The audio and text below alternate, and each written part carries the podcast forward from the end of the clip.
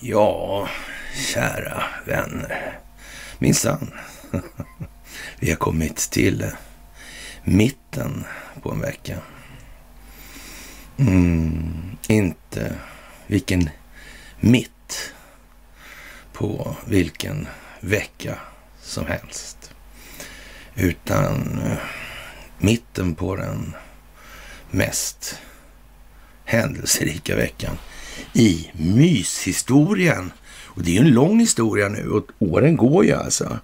Och eh, det verkar på något vis ändå som att vi får måluppfyllnad. Lite blygt sagt kanske va. Mm. Fantastiskt. Och det handlar om opinionsbildning. Det handlar om folkbildning.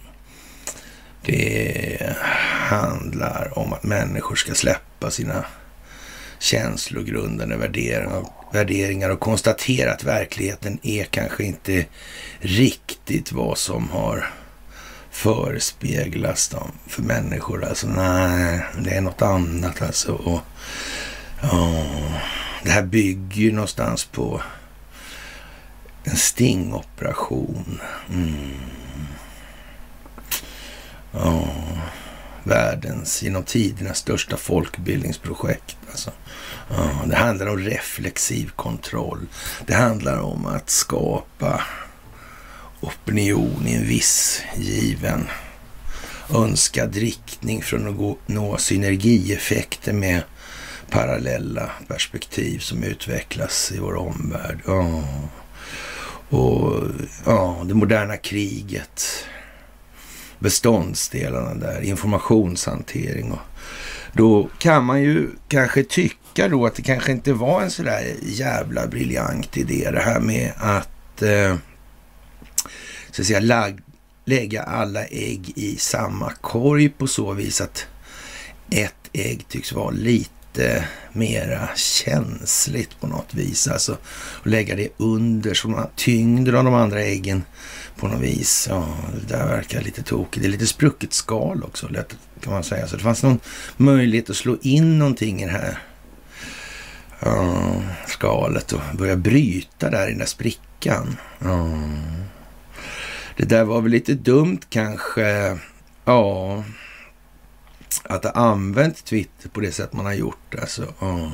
Det här med att skicka meddelanden och ja, styra opinionen då. Och sen kommunicera det mm, internt då på samma plattform när motståndet får vantarna på den här plattformen. Det vet inte jag om det var kanske sådär jättebra gjort alltså. Eller smart kanske. Eller också så fanns det kanske inga val rent utav. Det här kanske var äldre. Det här kanske var ack så gammalt. Sen gammalt tillbaka alltså. Mm. Det här med covid och ursprunget och ja, vacciner och propaganda kring det här. Valkontroll och störningar, målsättningar. Mm, ja, undertryckande av verkliga skandaler som skulle få politiska effekter om de kom ut medialt på något vis alltså. Mm. Det är inte så lyckat heller alltså. Och det här med, med att skapa narrativ, alltså på falska grunder helt enkelt. Det verkar ju tämligen misslyckat i det här läget. Ja, det verkar ju det. Det verkar inte rent ut sagt jävligt korkat i det här läget. Ja. Och tappar man då kontrollen över det här jallarhornet då så Ja, då är det faktiskt storstädning på gång.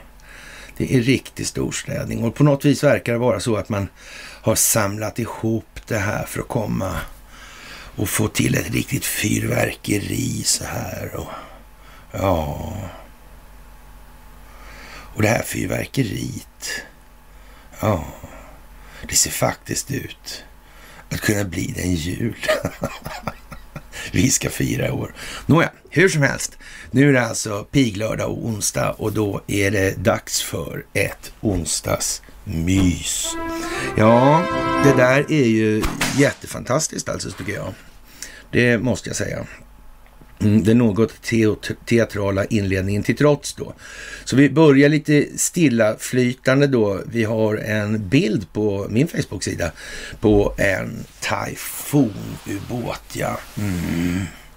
Det var den här jakten på Röd Oktober, den här Mark Ramius som är en politisk officer, Ivan Putin där. Mm. Den hade stealthförmåga. Marin sådan alltså. Den gick inte att lokalisera sig där väldigt lätt. De var väldigt tyst då. Mm. Ja, det verkar som att det har med saken att göra. Men det var ju de människor som, ja, så att säga trodde på kalla kriget-kulissen där också, även i Sovjetunionen. Alla var inte korrumperade, även om en hel del faktiskt var det. Alltså. Märkligt nog, märkligt nog. Vi kommer tillbaka till den historiska aspekten om det här kring eh, ja, första världskriget tar vi lite fasta på idag också faktiskt. För det är inte alls oviktigt det här med att känna till hur det låg till. Det, det står någon bok här bakom, eller ligger tror jag gör faktiskt. Den är ganska stor. Alltså, sådär, så, mm. det, det är bra att kunna det där faktiskt. Och, mm, det här med ja, Österrike, Serbien där. Konstigt. Ja, hade lite med järnvägar att göra det. Va? Jag tror det. Jag tror det. Ja, men först, först och främst ska jag ursäkta, börja med att tacka för allt ni gör. Alltså, det är ni som är förändringen i omvärlden. Det är inte jag ensam som driver det här alltså, utan det är ni som utgör den förändring vi tillsammans vill se i omvärlden och det gör ni fantastiskt bra. Så ett jättetack för gåvor på Swish och Patreon och att ni fördjupar er på karlnorberg.se och att ni hakar på Telegramtjänsten. Jättebra. Att ni följer Underpodden och kanske eh, sätter er in i de här diskussionerna som uppstår. Det är ju liksom viktigt. Det är inte riktigt, riktigt lika viktigt det här med att slänga ur sig ja, lustigheter även om det kanske ligger nära till hands. Visst, man måste få skämta, så är det ju. Alltså. Men nu har vi, så att säga, bråda tider. Det lackar mot jul helt enkelt. Va? Och därför har vi lite rött på oss idag också, dagen till ära. Sådär. Ja, men jag har svart under och så är det svart i sinnet som vanligt. Det här dunkla, bistra, kärva liksom. Ja, men ni vet ju hur det är. Alltså, man måste ju hålla på traditionerna i, i någon form i alla fall. Mm. Det är trevligt det här med att alltid ha det som man alltid haft det. Ja, det där är speciellt. Alltså de här reaktorerna ombord på de här ubåtarna, de är ju något mindre än Ringhals har jag fått för mig. Jag är inte riktigt säker, men de är lite mindre i alla fall. Man står inte, stoppar inte in hela Ringhals inuti den här ståltuben. Alltså det gör man inte. Det får man inte plats med. Det är någonting som är konstigt, men ändå har den producerar rätt mycket energi. Alltså, sån där. Det, det är lätt eh, överskattat eller underskattat ska jag säga. Mm, det är så. Och, och, det kanske är en del av den här ekvationen. För någonstans, om det här nu ska kulminera upp så behöver vi ju ha någon form av övergångsperiod här också. Ja, vi sa, snackade om det där med regleringen av älvarna. Det måste ju ta sin tid alltså det här också, för annars blir det kaos. Va? Och då kommer det alltid en massa hurtig, hurtiga, eh, ambitiösa typer som tycker att det här med krigsherre verkar vara ett bra jobb alltså. Mm. Ja, det är mycket med det där nu. Det är mycket med det där, men vi har en hel del att prata om idag skulle jag vilja påstå. Och eh, ja, vi kan väl börja prata lite USA, för vi har ju sagt det under evärdliga tider nu att USA är ju så att säga en momentskapande fråga inrikespolitisk. Alltså det är en geopolitisk momentskapande fråga. Och, och företrädesvis handlar det här om det här valet då som Ja, först och främst då kanske 2020 där i november. Men även då kanske 2016. Mm. Det där verkar lite ma, ma, konstigt alltså. Hur länge sedan är det man började med det här folkbildningsprojektet och planera för det egentligen? Mm. Hur är det med det med den där Barack Obama som utsåg Michael Flynn två gånger alltså? Det där är ju jävligt märkligt. Mm. Det är mycket som är konstigt med det där. Det är ju mycket som är konstigt med det där. Och, och tänk så här, och Donald Trump, han har ändå så att säga rent förtroendemässigt, prestigemässigt panta in sig ganska hårt nu får man säga då i en box där. Alltså, det, det vill nog fan till att det, det liksom eh, går som det är sagt i rätt många avseenden. Det får inte bli allt för grova eh, felskjutningar här alltså. Det får inte bli det. För, för då blir det svårt att ro hem det här helt enkelt. Och jag tror någonstans att det här utspelet med Barack Obama och det här med det kommer inte se bra ut om inte det liksom finns någonting att säga i den frågan. För det är ju trots allt så, det har han ju gått ut med det här och det här utspelet med 9-11 och det här. Ja, det är ju något som är väldigt, väldigt märkligt. Mm.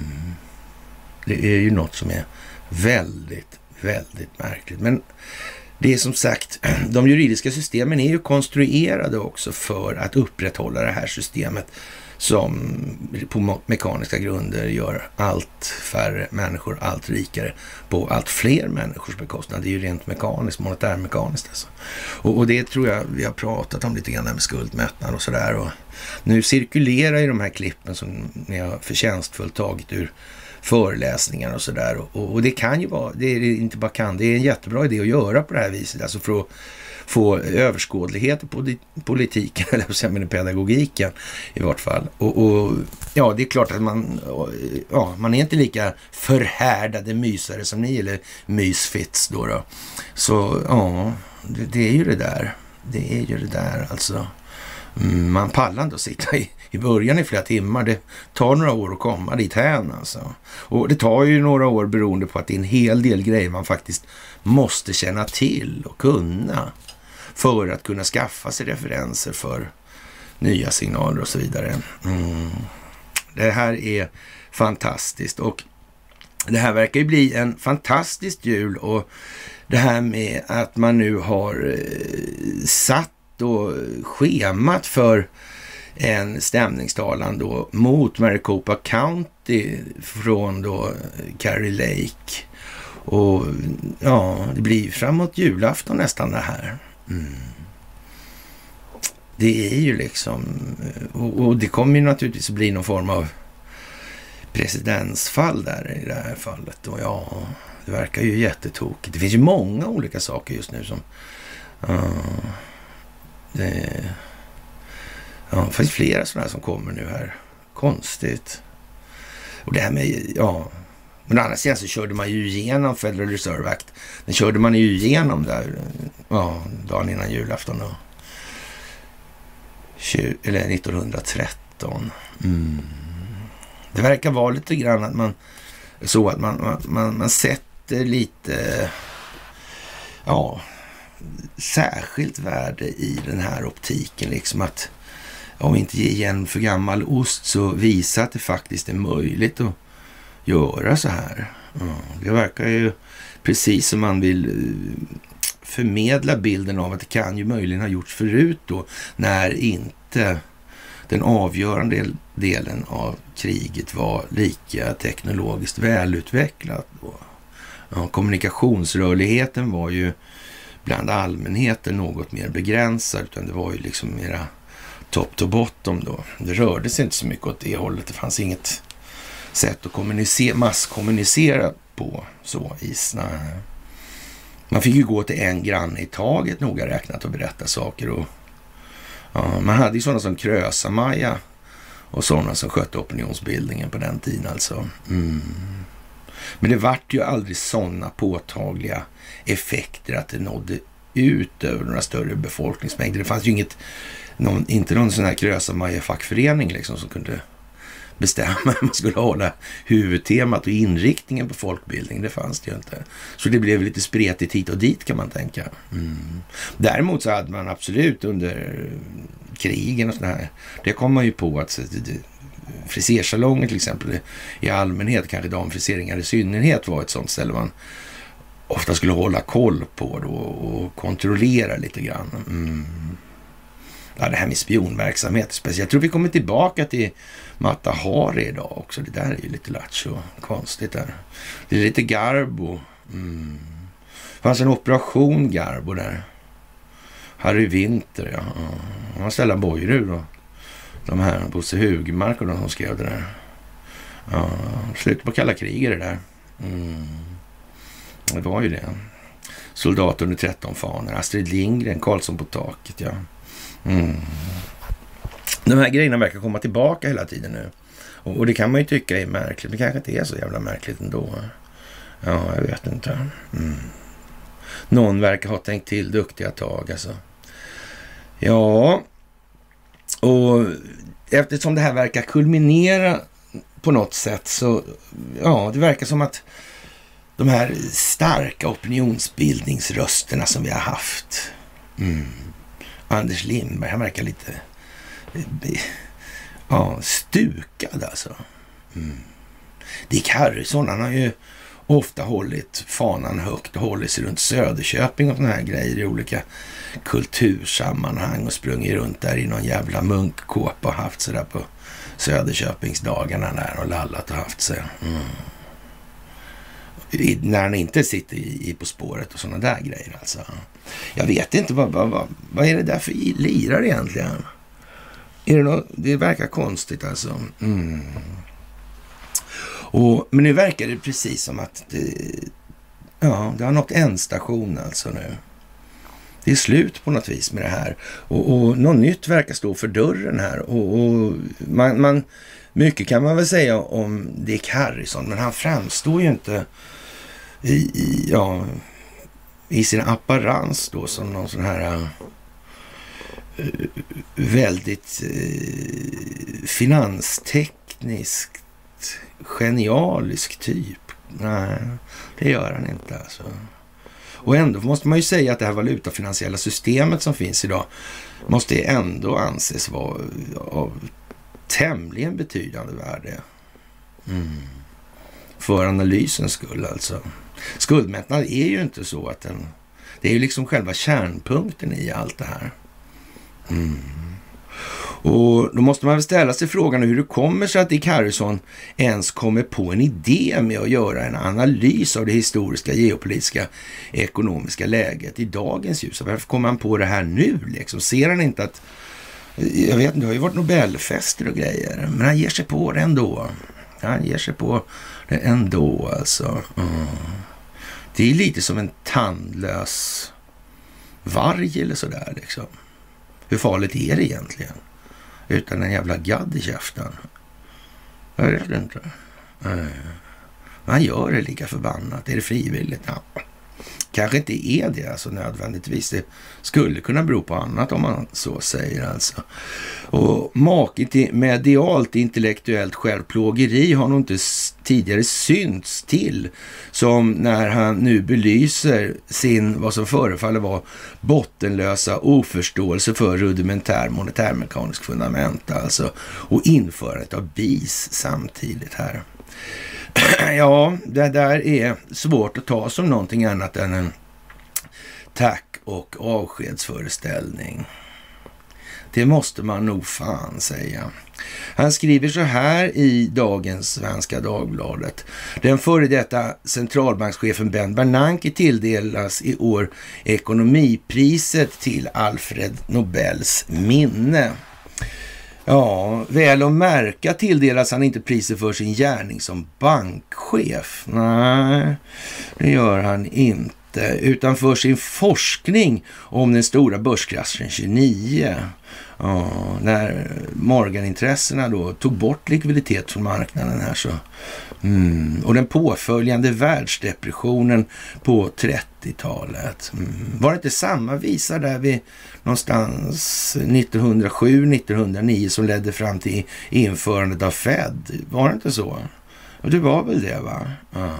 Och där sju, var det inte någon form av revolutionsförsök där i bakändan på rysk-japanska kriget som finansierades av Ja, just det var Morgan-intressena också. Ja. Det var ju samma gäng där. Ja. Det verkar sitta ihop geopolitiskt om man uttrycker sig lite blygsamt. För jag pratade om det här med Takahashi till exempel. Ja.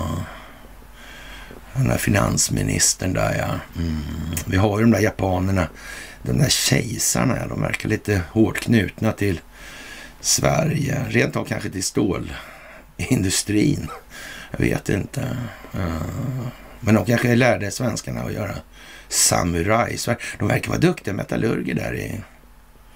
Uh, lite italienarna också, var Toledo-stål där också. Så, uh, jag vet inte. Inte blötjärn direkt. Uh, det var legeringar där också. Vanadium och såna grejer. Mm. Olika härdmetoder och sånt. Jag vet inte. Konstigt. Ja, och, och det här är ju lite speciellt alltså. Eh, den i ämnet obevandrade undrar därför, eller därvid självfallet, vad det var för katastrof och vad Bernanke menar att vi kan lära oss av den här. Då. När bröt krisen ut och vad orsakar den här egentligen då? Det datum som brukar pekas ut som början på eländet är alltså den 29 oktober 29. 29-29 för numerologen alltså. När de amerikanska börskurserna föll kraftigt i värde. Överoptimistiska spekulanter har vant sig vid eh, ständigt stigande kurser och många aktier var övervärderade. När kurserna kollapsade och investerarna inte kunde betala tillbaka vad de lånat för att köpa aktier spred sig osäkerheten. Börsnedgången utvecklades till en allmän ekonomisk kris. Men varför blev det så då?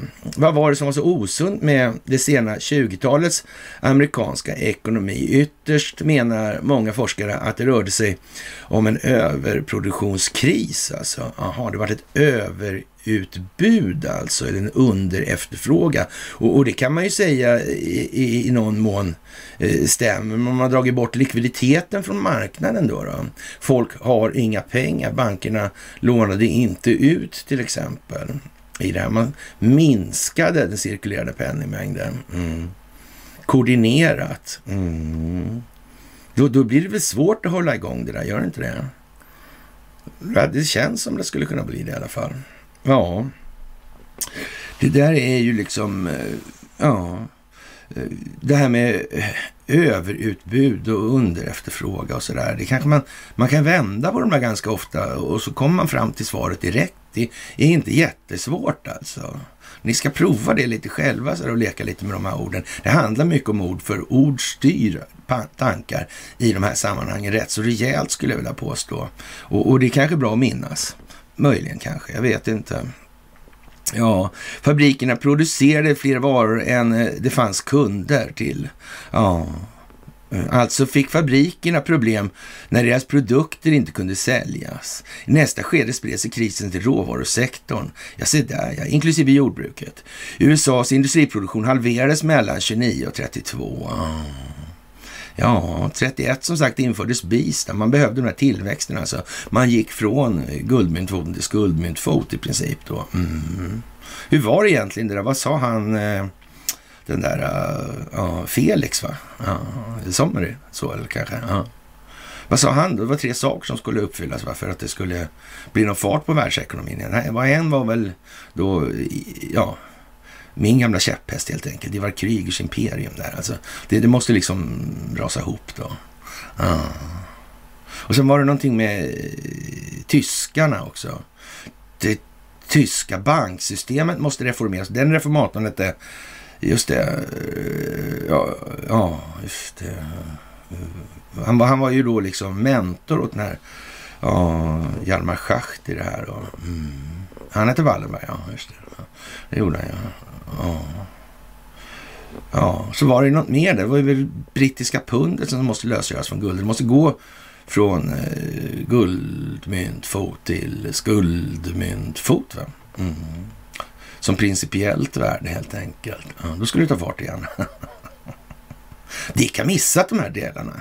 Det är ju konstigt alltså. Vilken, ja, vilken osis alltså.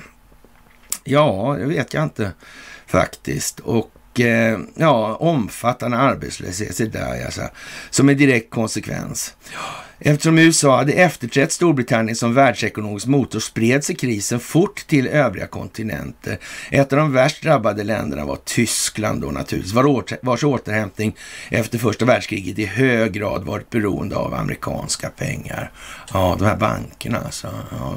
Hur var det egentligen? Gnällde inte Hitler väldigt mycket på den här ja, tändstickskungen som han sa i något tal där? Ja, de här Tysklandslånen. Ja som han fick ett borgensåtagande på. Ja. Ja. Då blev han så glad så han sköt sig. Ja. Det var någonting och så det var det konstigt alltid med Skandinaviska banken och de här grejerna också. I de här sammanhangen. Det hängde liksom lite ihop med annat det där. Ja. Ja, dagens eh, Facebook-sida innehåller en hel del grejer som sitter ihop, noga räknat alltihopa. Det gör ju ofta det, men nu tror jag det är mer tydligt än tidigare då, om jag säger som så. Ja. Eller som vi också plägar säga, den mest händelserika veckan hittills. Ja, det kan man ju säga är den så att säga transparensen som ja, råder då, eller blir allt mer påtaglig.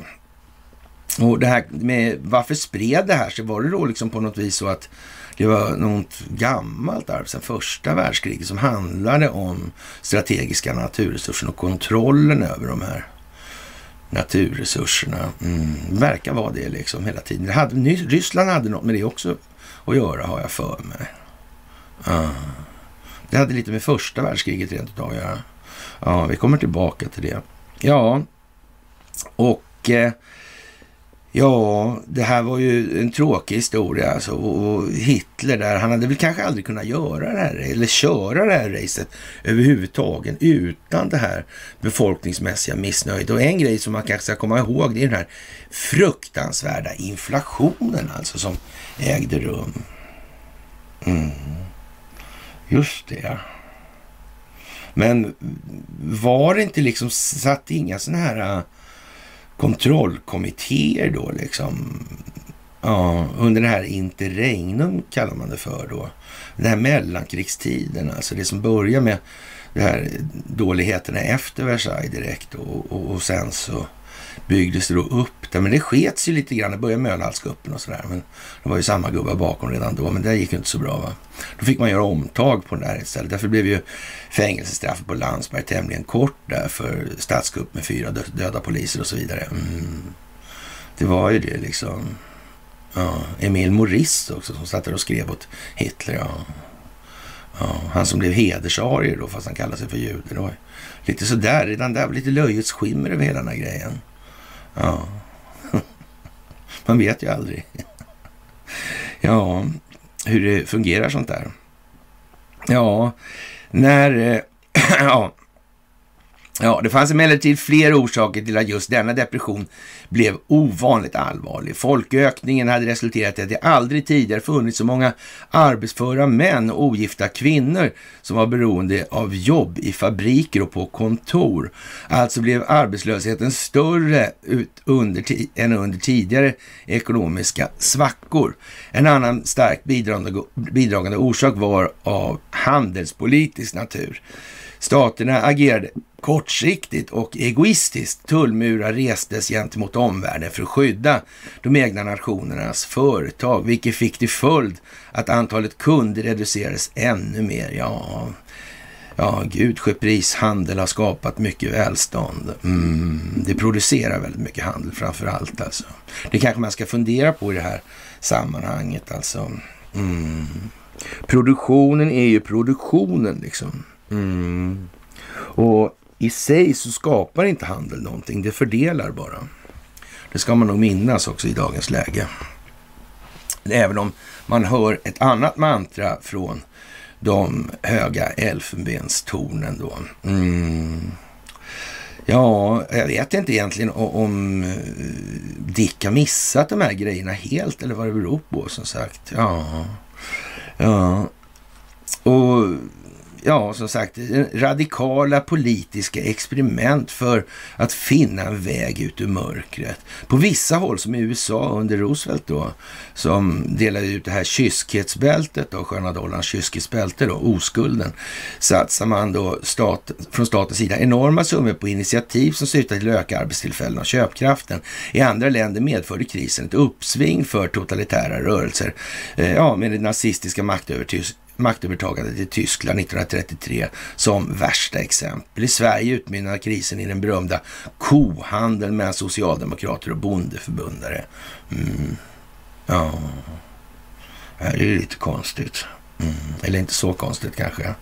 Det är ju, ja, halvkonstigt däremot att det här kommer. Nu är det jul redan tänkte jag. Faktiskt. Ja, faktiskt är det det snart. Initiativen till att ordna nya jobb i enlighet med de ekonomiska teorier som brukar förknippas med John Maynard Keynes, som jag tycker, som jag tycker om, ja, hade utan tvekan viss effekt, men forskarna är oeniga om hur stor.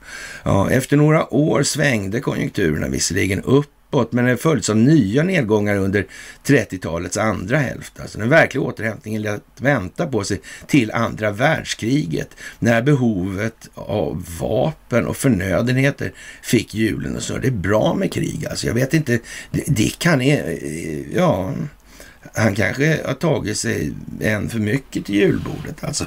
Jag vet inte, tidiga julborden alltså. Vad beror det här på? Hör han inte hur det låter? Jag vet inte. En bitter lärdom från 29 års börs debacle är alltså att vi människor riskerar att förvärra katastrofen efteråt när kurserna redan dalat och, vi försöker rädda världen, eller rädda det som räddas kan. Alltså. Ja, och på just denna punkt borde det alltså inte vara svårt att undvika en dumhetsrepetition.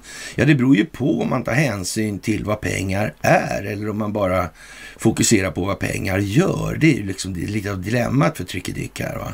Och, och han, han, är liksom ja, intellektuell billighetsminister big time. Och, och, han har ju ingen lust att framställa sig som det, även om man ställer upp på spåret och eh, är, verkar sig fan med fullkomligt efterbliven alltså. Ja. Det, det, jag vet inte fan var inte Dahlgren med i samma repa som honom någon gång. Det hade jag kommer inte ihåg. Det. Jag såg några sådana där, men ja, det kommer jag aldrig ihåg. Det hade jag velat se alltså. Mm. Det låter som de två skulle komma sådär eh, överens med blandad framgång skulle jag säga. Som personlighet betraktat. Alltså. Nu har jag bara pratat med Tryckerik några gånger sådär. Men... Och mest på mail ska jag säga, en gång i verkligheten ordentligt. I Söderköping just. Men jag vet ju inte. Dahlgren har jag pratat med några fler gånger kan jag säga. Mm. Det har jag gjort. Och ja, jag tycker de verkar lite olika som personer. Man kan ha fel där. Alltså, så mm. Jag vet i alla fall att Dahlgren stöter mycket mer än vad Tricke Dick gör. Så är det ju. Ja, Ben Bernanke har också pekat på en annan faktor, den fara som ligger i att det uppstår underskott på pengar. Alltså. Ja, skuldmättnad skulle vara ett sådant tillfälle då, när det blir en dränering av realekonomin. Då. Ja, precis, alltså det pågår någon form av realekonomisk deflation som skapar en stagnation där. Risken för detta kan motverkas genom att staten sänker räntan, säger Trycke Dixter alltså. Ja. Men det förutsätter väl kanske då lite att det inte är skuldmättat. Jag vet inte om man tänker på det här riktigt. Ja, det verkar inte så. Helt i alla fall. Ja. Och trycker fler sedlar.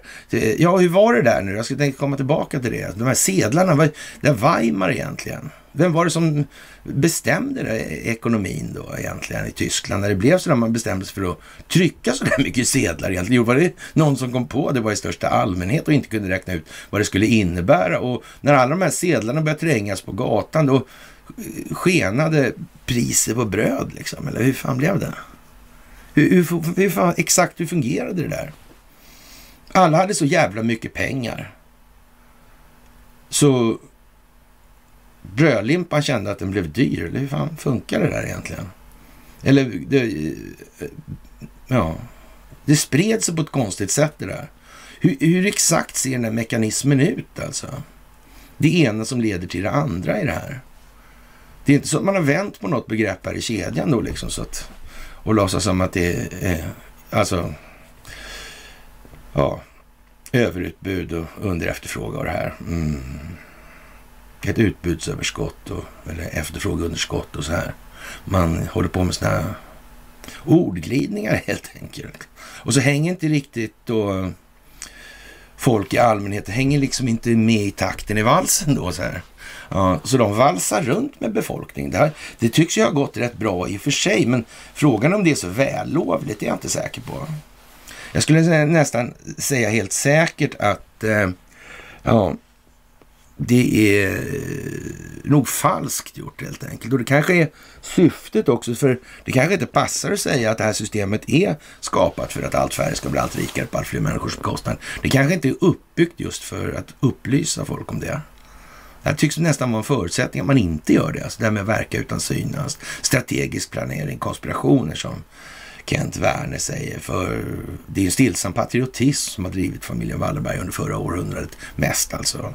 Ja, vissa infall av egennytta har det ju funnits någon gång. Det var ju Jakob köpte ett par dyra skor en gång. Mm, men i övrigt har det varit stilla på den fronten. Mm. Mm. Jag vet det fan alltså. Ja, vakna Sverige. Det gör vi helt säkert. Vi vinner det här. Jaha, och eh, mm, eh, det här är liksom eh, Jättekonstigt alltså.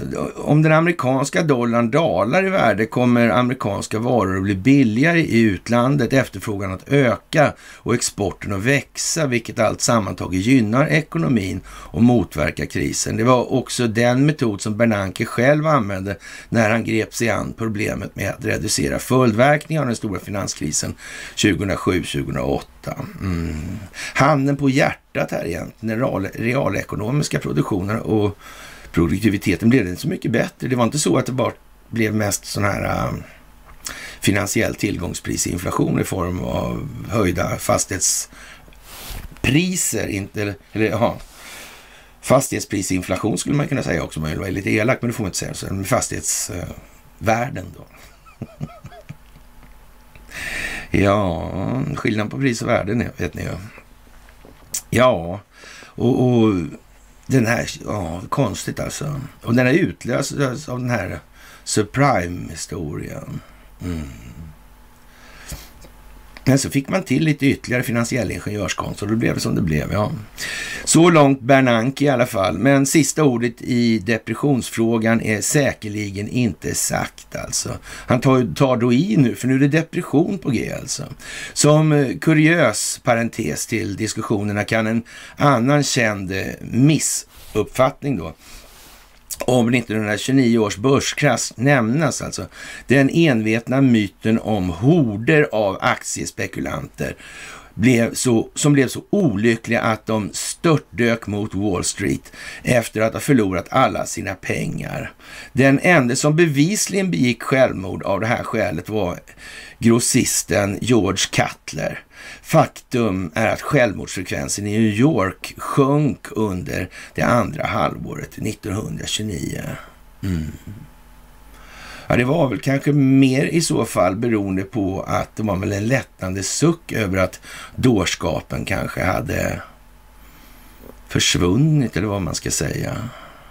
Men sköna dollarns kyskis bälte där alltså som Roosevelt. Och han höll ju på att liksom trixa med guldet också där. Det skulle inte vara en massa guld på driven där. Eh, skulle det inte vara. Och när vi ser alla de här människorna nu som tycker att vi måste ha guld med 2000 grejer, då får man ha lite överseende med det.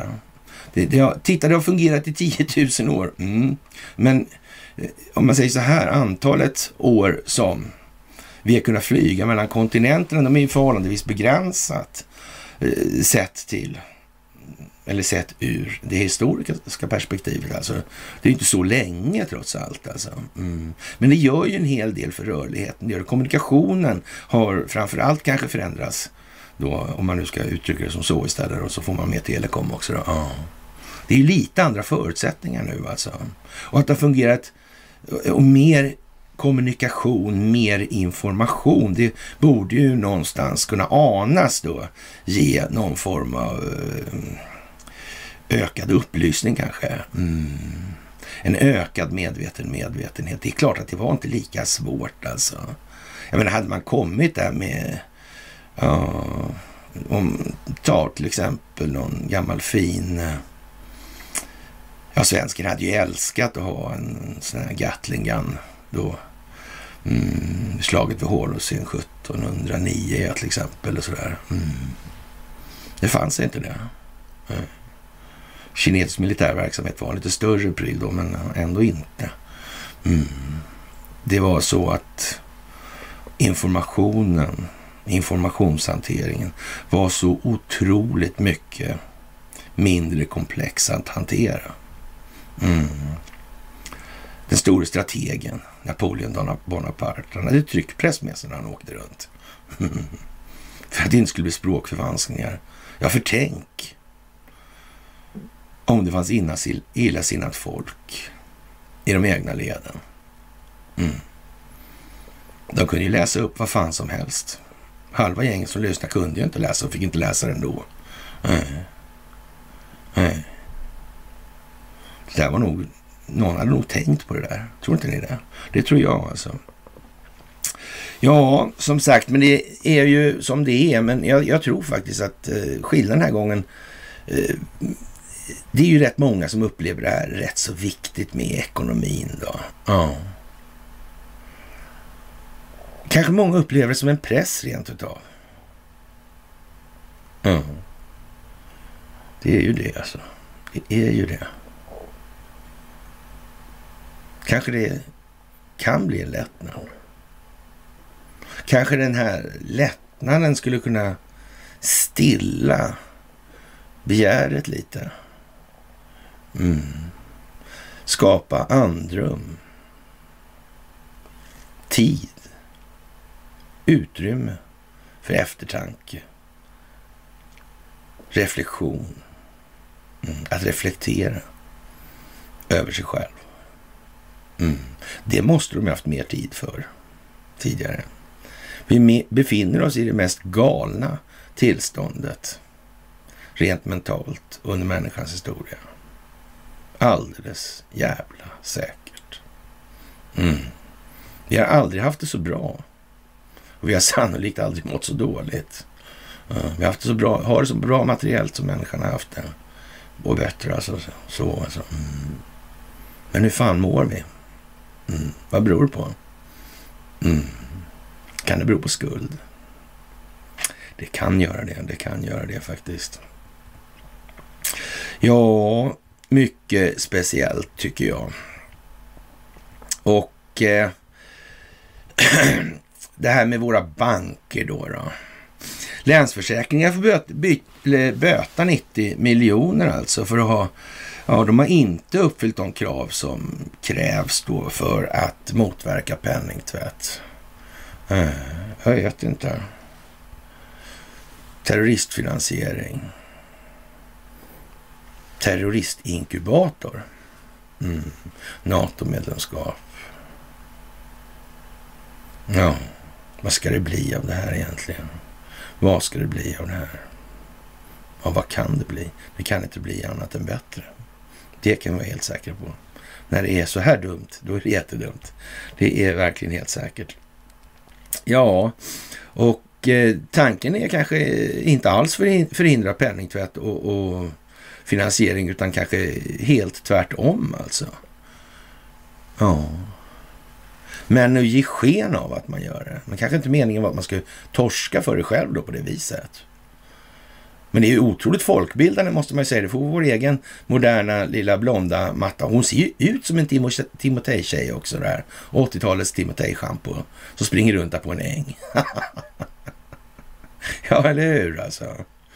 Ja, hon är folksjälen inkarnerad så tillvida. Det måste man ge henne alltså. Mm, vår egen lilla Mata Hari. Mm. Men eh, hon har ju en svensk, vi har ju haft en svensk Mata Hari tidigare, det ska vi se. Men vi kommer tillbaka till henne också. Alltså. Greta Garbo där. Operation Garbo. Jag vet inte, det mycket som kokar ihop alltså. Det är någon riktig lustigkurre som har suttit och gjort manus, eller rättare sagt dramaturgin på den här folkbildningen. Det måste man faktiskt säga. Att det kan verka festlig den här typen. Det måste jag säga. På tal om svenska festliga typer med blond kalufs då, så verkar det som att eh, USAs regering bekräftar framsteg i fusionsforskningen, alltså kan revolutionera världen. Ja, och, och amerikanska forskare vid Lawrence Livermore-labbet i Kalifornien har nått ett stort vetenskapligt genombrott i sitt arbete med kärnfusion. Det bekräftar USAs energiminister Jennifer Granholm som hänger ihop med Moddan där i, i släktskapet. Och ja, på en presskonferens, vår egen Nuon-modda. Och, och, frågan är då i, i ljuset av verkligheten idag då när vi ser det här, om, alltså allvarligt talat, de här grejerna som de har gjort är det verkligen, om vi säger så här att det här är ett väldigt, väldigt lång tid Eh, ett väldigt långt planeringsprojekt då, som har föregått det här som vi ser nu framför oss. Känns det verkligen så här så att de här människorna, de har gjort sitt yttersta för att vara så vassa som möjligt och dölja sina förehavanden så mycket de kan? Ja, men det känns det ju inte som. Nej. Det känns som de har gjort någon slags grundarbete för en kommande exponeringskampanj. Alltså skapandet av en optik. I akt och mening alltså. Mm. Som ska komma sen. Där de själva kanske inte har någon större roll i det här. För jag menar, man måste ju nästan säga att det är liksom en fänad utan dess like att Moddan säger jag har ingen lust att gå till KU. Jag menar, det är ju liksom inte så trevligt som att pissa någon på huvudet eller folk, den svenska befolkningen på huvudet. Det är ju mycket värre alltså. Hon hade rännskit den dagen också i sådana fall. Mm. Och knappt det, alltså det räcker. Det är ju otroligt konstigt. nu reagerar ju inte svenska folket, så det gör ju inte så mycket. Så det, det var klart det var lätt att gå hem med sånt där då liksom. Det morrades lite någon gång och så där, skiter väl jag, jag Det påverkar inte mig i alla fall liksom. Mm. Men nu måste man dra det här så långt att folk känner att de påverkar det. De måste uppleva smärtan. Oh, the true meaning of pain, alltså, sa väl Putin en gång. Mm. Det är vad som krävs alltså. Det är vad som krävs. Mm. Annars går det inte. Då skiter de i det helt enkelt. Jag fick något mess idag om det där. Alltså, hon, ja, inte uppgiven kanske, men, men i alla fall lite frågande människa från Indien då som tyckte att det var väldigt så speciellt alltså och, och, såg väl inte riktigt hur vi skulle hantera det här eh, på grund av att det kanske ja, omgivningen hos vederbörande då eh, sa helt enkelt att det skiter väl jag i så länge jag har det som jag har det. Ja. Ja, problemet är ju när alla säger att det skiter väl jag i så länge jag har det som jag har det. Ja. Det är ju ungefär som att ha konkurrens som grund för samverkan. Mm. Som vi pratade om förra gången, nämligen naturen och civilisationen. Det har liksom lite olika utgångsvärden. Mm. Det, det är ju så. Ja, för första gången lyckas man i alla fall i labbet då skapa nettoenergivinst, alltså mer energi än vad som förbrukas i en sån här fusionsprocess då. Och det är väl ett genombrott av, ja, rang kan man säga. Och, och frågan måste man ju ställa då i det här läget, vad finns det i byrålådorna egentligen? Vad är känt alltså? Är det säkert alltså att det inte är så att folk har en massa patent som skulle verka förbättrande för mänskligheten i stort, mm, men skulle förstöra marknaden då. Mm. Och förstör man marknaden sådär så för, förstör man också den ekonomiska makt som den marknaden i sig för med sig och innebär. Eh, vill de här ekonomiska vinstintressena göra sånt? Eller är det bättre att köpa de här patenten då och se till att de inte kommer ut? Lite grann som den här boken vi kan jag prata om den några gånger, det här med Keynes affär, rättsröta-affärerna. Va? Ja. Pastor Keynes.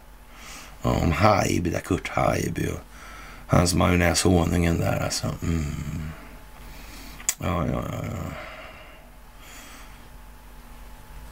Folkliga skämtet var liksom att, åh, vad är det för likheter mellan Bosse och Haijby. Ja, båda har en monark mellan men samma cykel. Alltså. Gammalt sånt där. Man, man tänkte, vad fan alltså. Humorn var i alla fall inte så utvecklad på den tiden. Man skrattade åt det lätta. Men jag gillar Tor Modén, det gjorde jag faktiskt. Det gjorde jag. Absolut. Ja. Ja, vi är snudd på jämnåriga. Nej, men nästan i alla fall. Jaha, och kritiken mot polisledningen är ju svidande nu och ja, halvledaren där, eller han är väl ingen ledare, han är en isolator skulle jag säga. Alltså halvledare är inget bra begrepp alltså. Och, och statsministern pratar vi om då alltså. Och stridshingst, det kan han inte dra till med, så jag vet inte.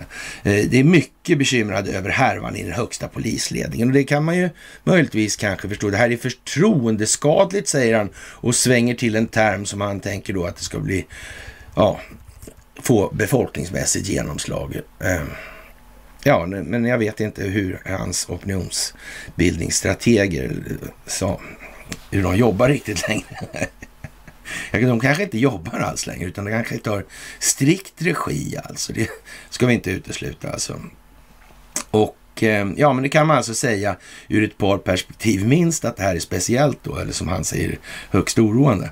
Ja, en potentiell korruptionsskandal inom polisen rullas alltså upp och till synes oavsett vad som har gått fel eller ifrågasätts lyder svaret att en bedömning har gjorts och att det är gott så. Alltså. Korruption i högsta polisledning i samband med rekrytering till kritiska ledningsroller och Eh, ja, lönesättning fäktas bort med hänvisning till att privatlivet, integriteten alltså de grejerna, inte anbelangar någon i de här sammanhangen. En utredare tillsätts, samma utredare som tidigare frikänt Säpo efter hanteringen av dådet på Drottninggatan och polisen trots tips om Akilov valde att dra in bevakningen alltså. Mm. Enligt eh, journalisten Jonas Gummessons twittrande. Mm.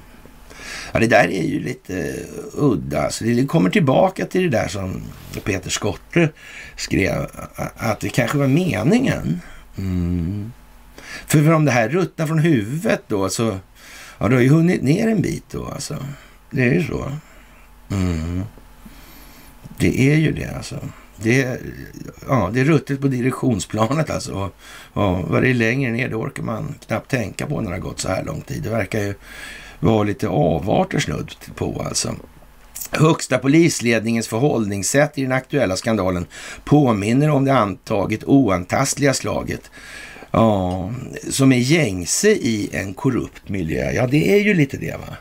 Det är ju lite det faktiskt. Ja, och det här är ju då eh, författat av då, eh, ja, hon den där Brown, vad heter hon? Mm.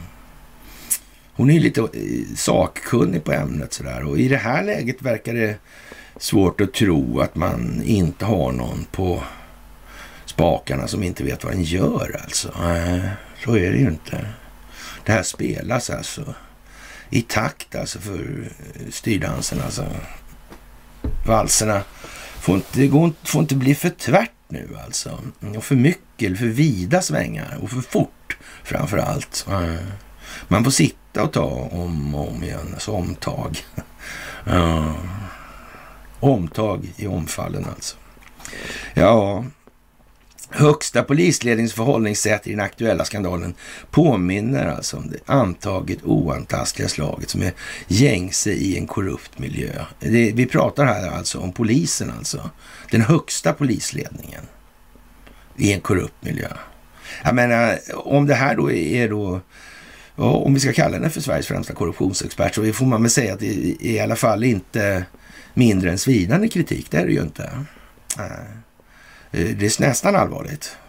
Bara nästan alltså. För det kan inte vara så allvarligt för de skulle ha sagt något såklart alltså. Ja. Du som läser det här kanske känner en viss mättnad eller rent av trötthet. Samma saker om igen, om igen. Felbedömningar, överträdelser mot regelverk, korruptionsmisstankar, kostnader och säkerhetsrisker som följd. Ja, man fastnar i reaktivitet. Ja.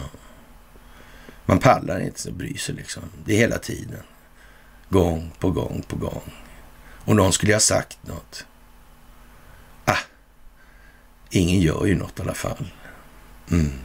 Det är ju det. Det är ju det. Mm. Ja, man kunde ju ge fan i att gå och rösta på de som konserverar systemet. Till exempel. Har man inget annat val så är ju det valet i alla fall kvar. Ja. Om det så krävs att det ska bli noll röster. Mm. Jag menar, vad fan hette de där strejkbrytare va? Det var därför de hade sådana här strejkvakter jag för mig. Eller har jag fel? Jag tror det var så. Ja, det är nog så. Ja. Ja, det är lite konstigt kanske. Mm. Låt oss fundera över att det finns två perspektiv på normalisering vad gäller korruption. En positiv och en absolut livsfarlig. Den positiva är normaliseringen i form av en medvetenhet som har etablerat sig Ja. Korruptionen finns i Sverige och inkluderas i riskbedömningen och granskningsförfaranden. Alltså. Den andra och absolut livsfarliga är resignationen i form av att korrupta intressen vet att de i princip är oantastliga. normaliseringen av konsekvensfrånvaro. Ja, det är väl lite blandat det där kanske i det här landet. Och det här är ju sådana saker, alltså sådana frågor och parametrar som vi måste börja engagera oss mer i. Det går inte längre att bara tro att det här är alla andras ensak och att någon skulle ha sagt någonting. Det duger inte längre alltså. Vi måste själva engagera oss i det här. Vi måste upplysa andra om det. Och om vi säger så här att det sista valet vi har, det är ju att inte rösta alls. Men det är ju själva fan om det skulle behöva gå så långt. Det är det ju. Det är ju faktiskt det. Och, och, vi är många nu som håller på med det här. Och vi har gehör. Det finns en internationell kraft som verkar i de här sammanhangen. Mm.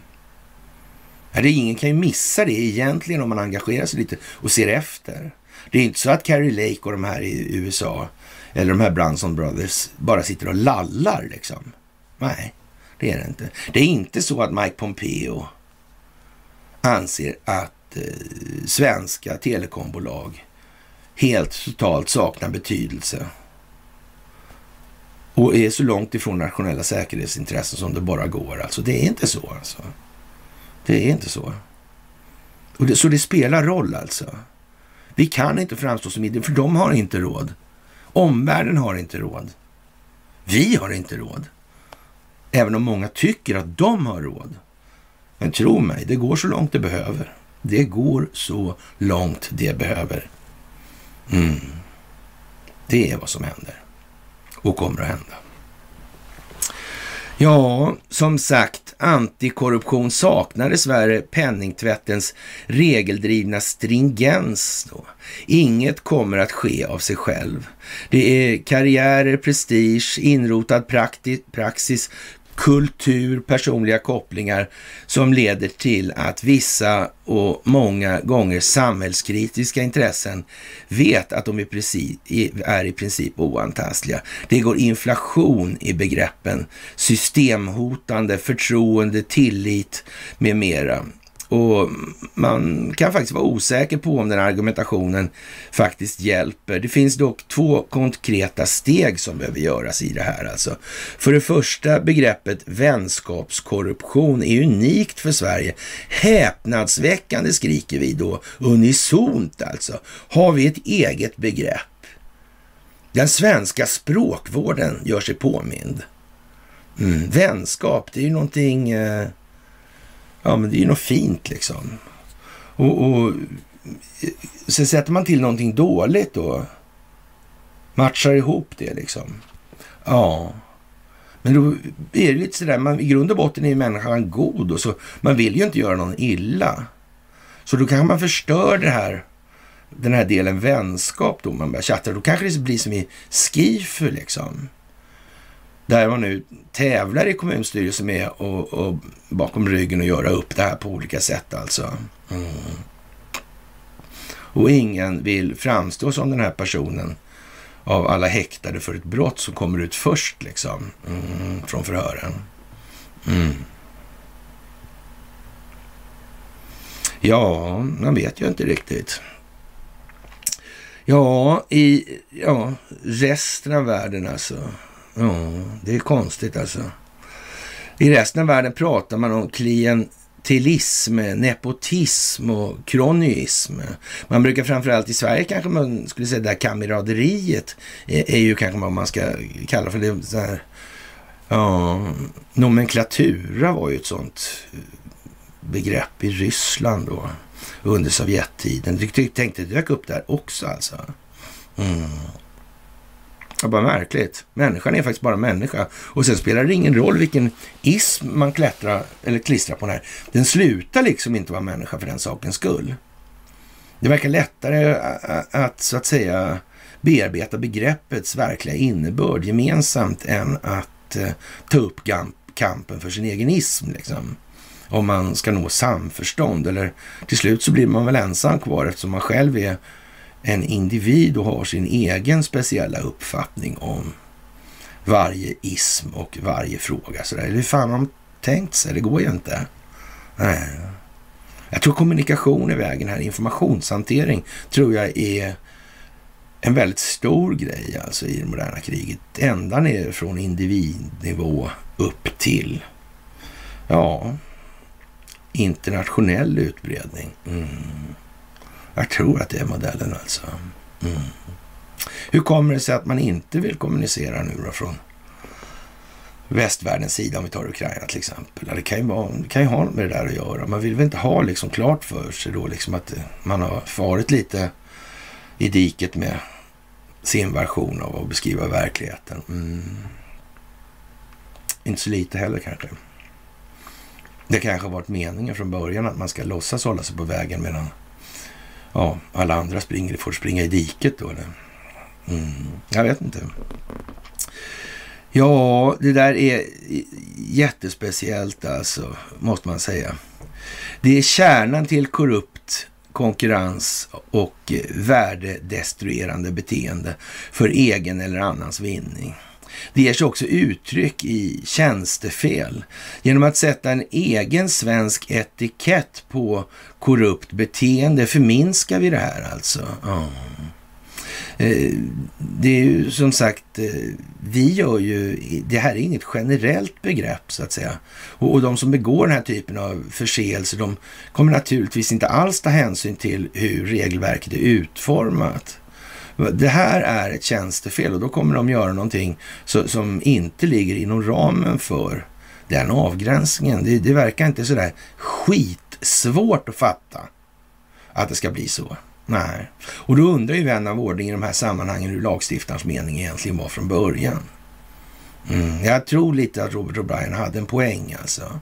I det här, med det handlar mycket om det svenska rättssystemet. Det handlar om det svenska rättssystemet noga räknat. Jag tror att vi kan utgå ifrån att det har nog varit lite sånt där både här och där. Ja, och sen accepterar vi nog det med fördel.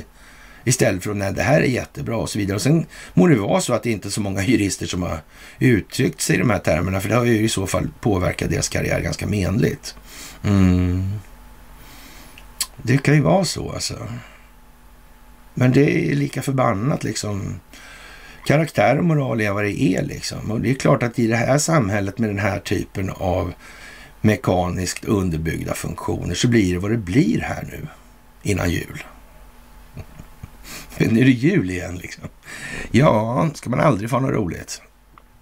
Ja, det är dags att eliminera begreppet vänskapskorruption och använda mer rättvisande benämningar alltså. Och, och, det är ju lätt så givet det här med språkvården och jag tror vi är först på bollen i det här landet är vi det i alla fall, det är helt säkert. Men, men eh, så att säga, det har ju tagits fasta på nu från myndighetshåll också. Det är ju ingenting av det jag sitter och läser upp här. Det här är från idag i Dagens Juridik. Då, det här. Och det, men det är som sagt, det har ju bäring på det här med polisen naturligtvis. Det är det. Men det här är viktigt nu alltså. Och när det gäller den polisiära ordningen så kan vi väl säga så här. Det slutar dåligt för polisen tror Leif GW. Ja, Leif. Eh, vi ser på din exteriör rätt mycket av din karaktär. Det är bara så. Det är bara så. Och din karaktär består inte till någon ringa del av din moral. Det är så också. Och det är möjligt att man med åldern börjar se lite sämre alltså. Men några tusenåringar, det finns det ännu så länge inte. Nej. Även om för aldrig misstänker att du själv hade gärna blivit tusen år om det inte hade varit så jävla rassligt med karaktären och moralen. Mm. Mm.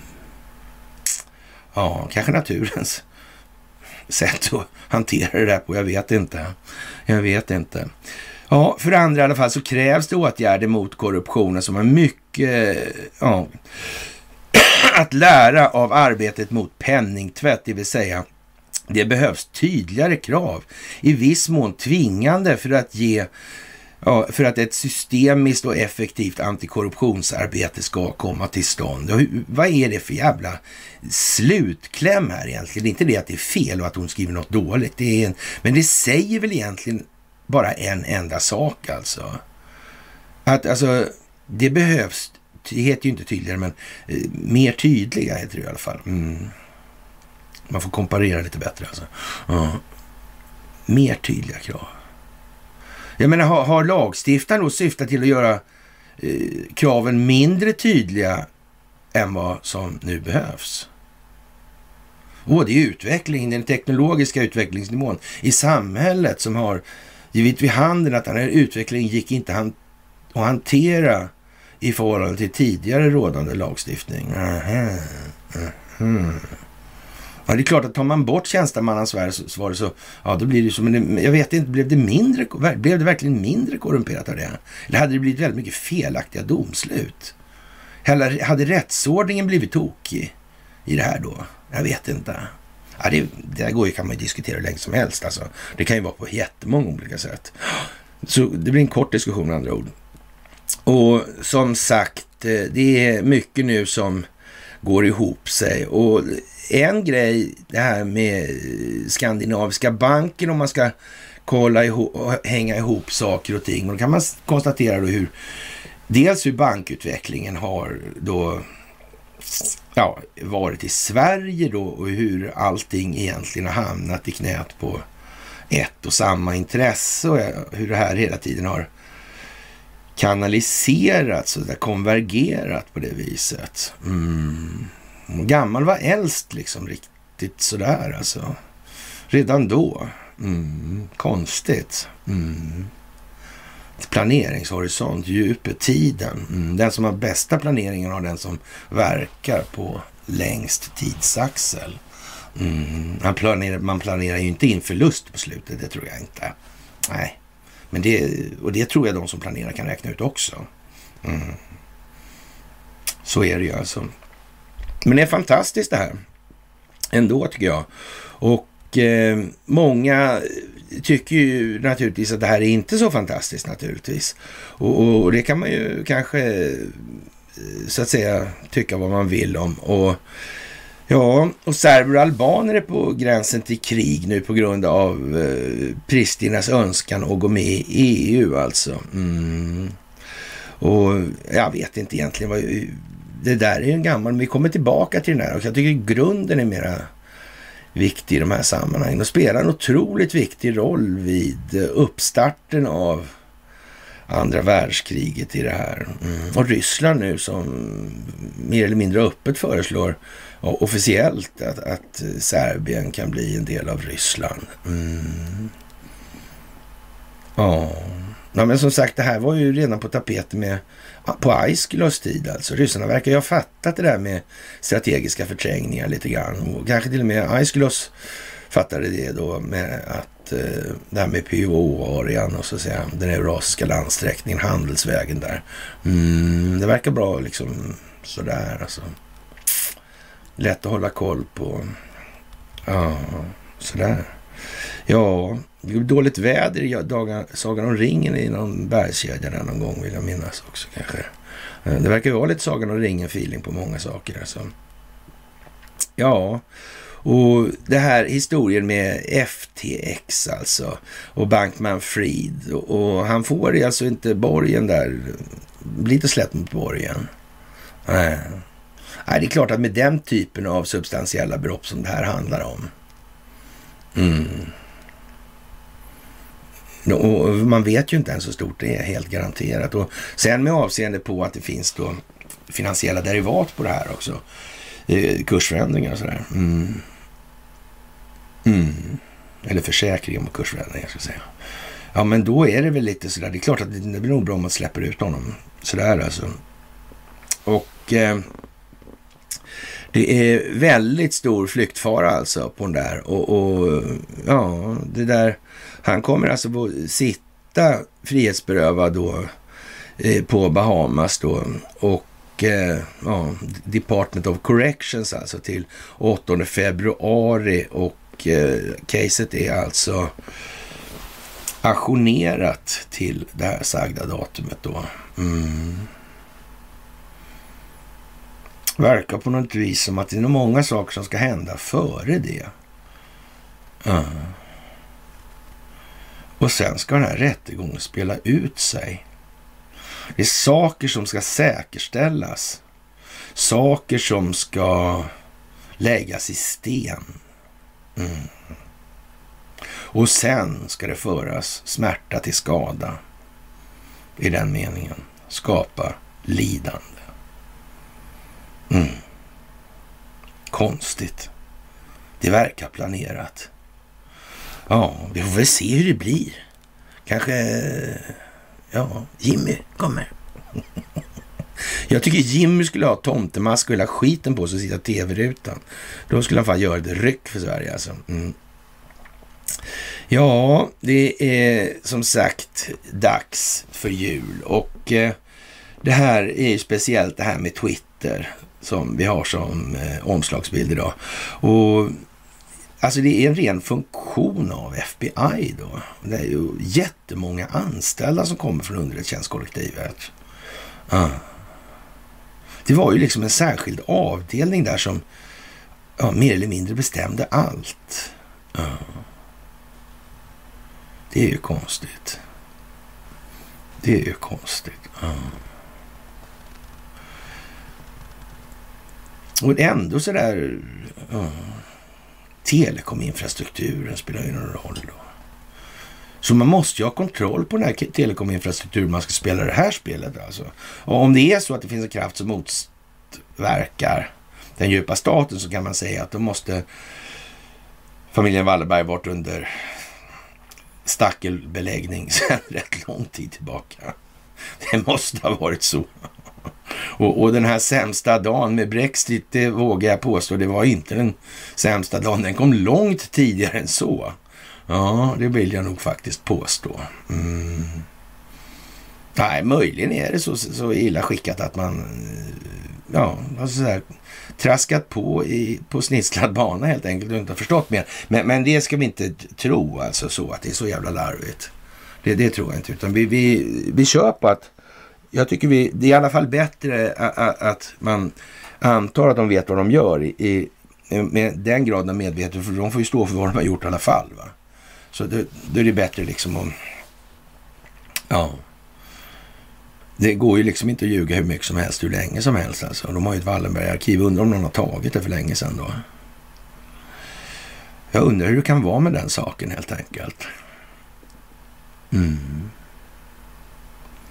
Ja, de har ju haft båtar här tillräckligt mycket på senare tid eller för att ta bort det. Och de måste ha tagit det för länge sedan, en längre tid sedan än så alltså. Ja, det vill jag nog påstå. Eller i alla fall ha då ja, läst in det. Ja. Ja. Riksarkivet har väl byggt ut lite här och var. Mm. Men man kan väl läsa in det där på annat håll än och sen bara skicka det. Jag vet inte. Det var bara en... Så alltså. Ja, ja, ja, ja, ja, ja. Och som sagt, de här Twitter-cheferna, ja, det är ju lite som det är nu och det här med att vända under galgen, ja, vad ska man säga? Det är ju dags att förstå nu var de här techjättarna har varit. Vad, vad är Facebook för någonting? Vad är YouTube för någonting? Och varför är vi kvar? Ja, det är ju uppenbarligen inte för att främst få upp siffrorna, även om det är det vi gör också. Men så, vi förstår ju också att algoritmerna och bottarna finns där. Men var ska vi vara och var finns de vanliga människorna som ingenting förstår? Eller i alla fall förstår mindre men som ändå kanske vill veta men inte är så benägna att sitta på nya plattformar och så. Mm. Ja. För det måste man också säga, så de nya generationerna må ju vara bra på alla sätt de är bra på. Men, men eh, det är fortfarande så, så utan en tillräcklig referensbas alltså. Då blir det liksom inte, det blir inte till att hänga upp. Därför verkar det ju ofta så att unga människor idag är väldigt frikopplade ifrån allt politiskt engagemang som någonsin eh, ja, har funnits. Liksom. Mm. Därmed också sagt att eh, det är formbart på ett helt annat sätt. Så är det naturligtvis. Så är det ju. Ja, och den djupa statens alla förgreningar och sympatisörer, ja, de har lite tjurigt helt enkelt just nu. Och som sagt, eh, det här med Twitter, alltså vi är ju liksom i en andra fas här nu. Och det blir ju lite dramatiskt nu när man säger sådär, det är underrättelsetjänster rakt av. Och, och sen kan, det, kan man dokumentera det med internmail och sån här internkommunikation. Ja, men då är det ju som det är liksom. Det, vad ska man säga sen då? Ja, det är bara så. Och ja, det kommer att bli förändringar naturligtvis. Och ja, det kommer att kunna skrivas helt fritt. Yttrandefriheten inom Twitter återkommer på det här sättet och kontohavarna kommer att kunna se vilka som är majoriteten. Det är ju inte alla de här andra som vi har fått i oss itutat är majoritet, som är majoriteten. Det är vi som är majoriteten. Men eh, på grund av det här med att, den här rädslan för att inte vara som alla andra så viker sig många. De är aldrig beredda att stå upp och kriga själv mot en... Även om de tror att det är rätt liksom. Nej, då är det bättre att gå med liksom. Men det kanske inte är det. Det kanske räcker att du får med dig en till så får ni med när ni är två kanske ni får 4, 8, 16, 32, 64, 128 och så vidare. Uh vad ska man göra? Det blir ju fel. Nej, man kan ju inte gå där och hoppas på att man inte ska bli ihjälslagen tills man blir det. Vad är det för jävla liv alltså? Som sagt, när man faller, då faller man med sträckt nacke och sträckt rygg. Ja, med ansiktet mot fienden. Eller motståndet. Trygg i sin förvit, för, förvissning om att man faktiskt har gjort så gott man har kunnat. Bättre kan man inte göra. Det är bara det. Då har man gjort sitt bästa. Mm. Och det kan man ju tänka på faktiskt. Och fler kanske borde tänka på det. Och människor kommer att kunna se mycket mer än vad de någonsin sett tidigare. Och det här exponeras ju nu och det var flera sociala medier som Facebook, Google, Instagram och YouTube och så vidare har ställt upp på tillsammans med stora företag och deras chefer, Hollywood, sportorganisationer och så vidare. Det är händelser som majoriteten av befolkningen aldrig varit i närheten av eller trott ens existerat. Ja, och därför kommer sådana här grejer med polisen nu som så att säga en beskrivande optik för att skapa en bild av hur jävla ruttet det här är alltså. Respekt det är ingenting man får alltså. Det är någonting man förtjänar. Det är en återspegling alltså. En återsyn alltså. Respekt. Ja. Det beror, respekten är ju någon form av, det har skapats någon form av intryck. Och då, då kan man ju säga så här, om man som i det här fallet då, har blivit itutad någon form av jävla överhetsskygghet alltså. Ja. Det är ju som det är. Alltså, det, det är ingen bra grej för samhället. Det är något dåligt för samhället och någonting bra för en korrumperad maktutövning. Och makt är per definition funktionsmässigt alltså kraft att bryta motstånd, vilket i sig då i sig då. uh, Det är det misslyckade ledarskapet. Mm. Det är inte upplysning till ledning och vidare upplysning och ledning. Nej. Det är Forza liksom. Mm. Man kan ju, man kan ju koka ner det till då att liksom, man, håller man på upplyser, upplyser tillräckligt mycket då, då är det någon form av makt också då. Alltså kraft att bryta motstånd. Så det äger sin riktighet lite grann ur båda perspektiven. Sådär. Men ändå då. Ja, och, och, många tycker ju naturligtvis att det här är inte så där våldsamt kul om man har vikt sitt liv åt att vara en ja, supporter till det här alltså. Och ja, många tycker att det här blir ju inte roligt helt enkelt. Meningen med livet mer eller mindre är som bortblåst. Och den djupa staten kommer ju inte att sitta still av det, just av det nämnda skälet då. De kommer ju att försöka trassla på alla möjliga nivåer då. Och, och det är fotsoldater och Antifa och BLM och, och neonazistiska lallare och så vidare. Sådär. Och, och ja... Mm, jag vet inte. Det kan ju tänkas att, att eh, det blir lite flammor här och där, men på hela taget får man ju anta då i alla fall att planeringsdetaljen på den sidan, hos den sida som motverkar den djupa staten i alla fall klarar av att hantera sina egna tankar och känslor hjälpligt alltså i medelsvår terräng. Mm. Det får man nog fan anta. Mm. Och nu är det så att säga ja, tappad sug ligger för den djupa statens del. Det går inte liksom att plocka upp det här igen. Det finns ingen... Nej, det gör det inte. Det finns bara utförsbacke och mera utförsbacke, allt brantare. Mm.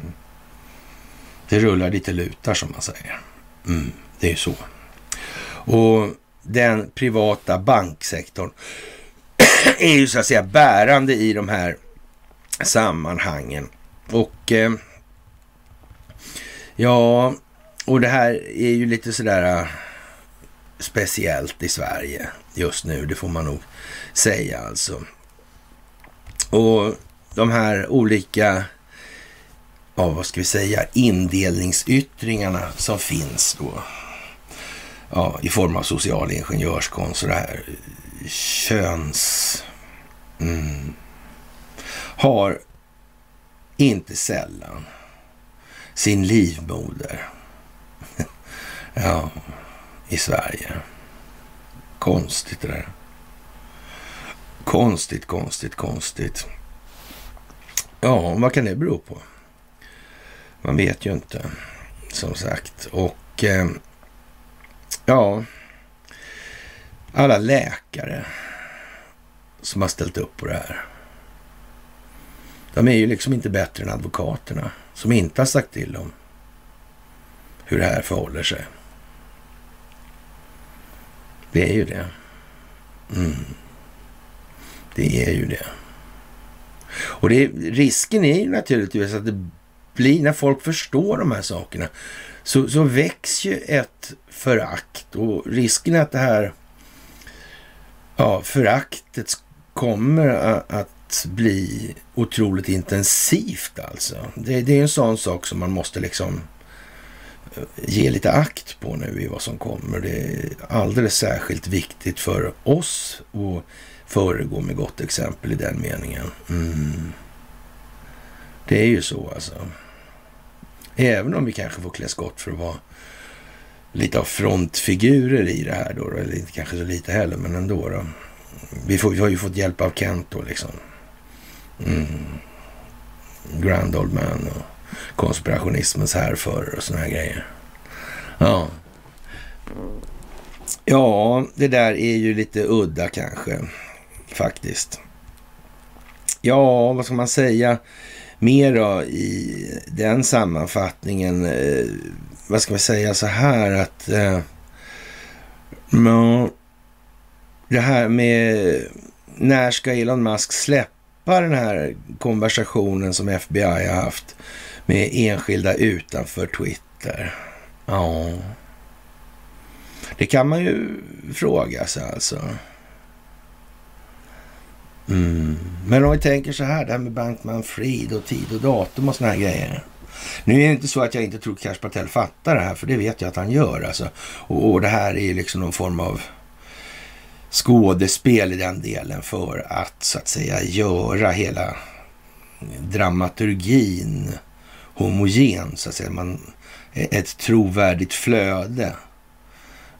Men, men, han har ju ändå varit åklagare och sådär. Han, han vet ju ungefär hur man lägger upp en rättegång, så att säga, rent optiskt eller mm, retoriskt. Mm. Så som man följer dramaturgin då. Och det leder fram till och sen blir det input. och sådär. Det, där, Ja, jag tror det liksom inte, så det, det är nog mera teater på det viset. Alltså. Det, måste, det måste vara så nu. För annars kan inte folk hänga med på det här. Det här är eh, alldeles för abstrakt för att folk ska hoppa på det här tåget. Och det måste de hoppa på det här tåget och då måste det också vara tillräckligt låga trappsteg för att klättra på också. Sådär. Ja, och eh, det är i alla fall lugnt på gator och torg än så länge. Ta till det här då. Sådär. Och vi får väl se om de hinner stöka till något. Och om planeringen räcker till för att mota det då i så fall. Mm. Om man säger så här, otroligt svagt om det inte gör det skulle jag säga. Mm. Ett stort kaos som inträffar nu är alltså en rätt så rejäl spricka i rustningen skulle jag vilja påstå. Så är det. Mm. Det kan se ut hur mycket som helst och kommer att se ut hur mycket som helst att nu skiter det sig med musik alltså. Men intills dess att det har skitit sig med musik. Big time alltså. Mm. Då är det teater. Mm. Och då ska man vara säker på att det verkligen har skitit sig. Inte sådär om de påstår att man landar på månen och sådana här prylar. Alltså det duger inte i de här lägena. Vi har aldrig varit i sånt här läge tidigare. Med, med det har inte uttal, I och med det har jag inte uttalat mig om vad jag anser om månfärder. Så har vi klarat ut det också. Mm. Och med det sagt att jag varken tar ställning för det ena eller andra. Det är inte läge just nu helt enkelt. Ja, och en ökning av styrkan i krigsmateriel som sänds från USA till Ukraina eh, är nu att nu börjar Patriot-missilerna att levereras. De här fina gamla raringarna. Mm. Ja, ja, ja, ja, ja, ja. Ja, Sverige kan ju ställa upp och bjussa lite. Det kan man göra. Det måste ju bli populärt för vårt NATO-medlemskap. Mm. Ja. Kanske den svenska befolkningen tycker att det, ska vi ge bort allting och, och våra stålar liksom? Ja, jag vet inte om det är nödvändigt just där. Och om det är liksom den eh, akilleshälen för befolkningen. När det börjar kosta stålar liksom. Mm. Och man föreslår punktvisa skattehöjningar i vissa månader alltså för att bidra till försvaret för vi ska ja, underhålla Ukraina. Mm. Som säljer ja, sina fodda vapen. Mm. Mm. Ja, jag vet inte. Det är lite speciellt alltså. Jaha, och eh, Fauci kommer ju aldrig erkänna vad han har sagt eller gjort någonting. Alltså, men, men han har ju faktiskt en hel del eh, korrespondens elektroniskt som är bevarad. Jag vet inte. Sådär alltså. Pinsamt helt enkelt. Mm, ja. Det är lite udda kanske. Mm. Och jag vet inte heller om eh, det kanske är så att det blir en jul att minnas. Ja, det kan ju vara så faktiskt. Så som sagt, eh, någon form av false under uppsegling, men om det är något, eh, ja, jag vet inte. Det är nog anyone's best guess, det vad det blir i så fall. Och Mike Pompeo, han eh, har tydligen varit ett mål då för en iransk mordkomplott alltså. Um, som även var riktad mot John Bolton. Mm. Men den djupa staten finns väl i Iran, jag tror vi har pratat om det lite grann. Mm. Precis som det finns i Kina. Mm. Och rykten säger ju i alla fall att de kinesiska kommunistiska partiet har börjat börjar närma sig delar av alternativrörelserna. Mm. Så pass att Säkerhetspolisen tycks ha fattat intresse för saken. Ja. Men det kinesiska kommunistiska partiet verkar ju vara en sällsynt eh, företeelse. Alltså. Mm. Är den verkligen helt befriad från all korruption? De här människorna som, eh, om vi säger så här då, företräder den djupa staten i Kina. Är de verkligen omhändertagna allihopa? Det går inga som är, är lösa liksom. Eh, jag vet inte. Det där är lite spel tror jag. Mm, faktiskt. Det är lite spel i det där. Ja, och eh, mm, 8 av 10 en thaimassagesalong säljer sex, påstår SVT idag. Det var som fan alltså. Mm.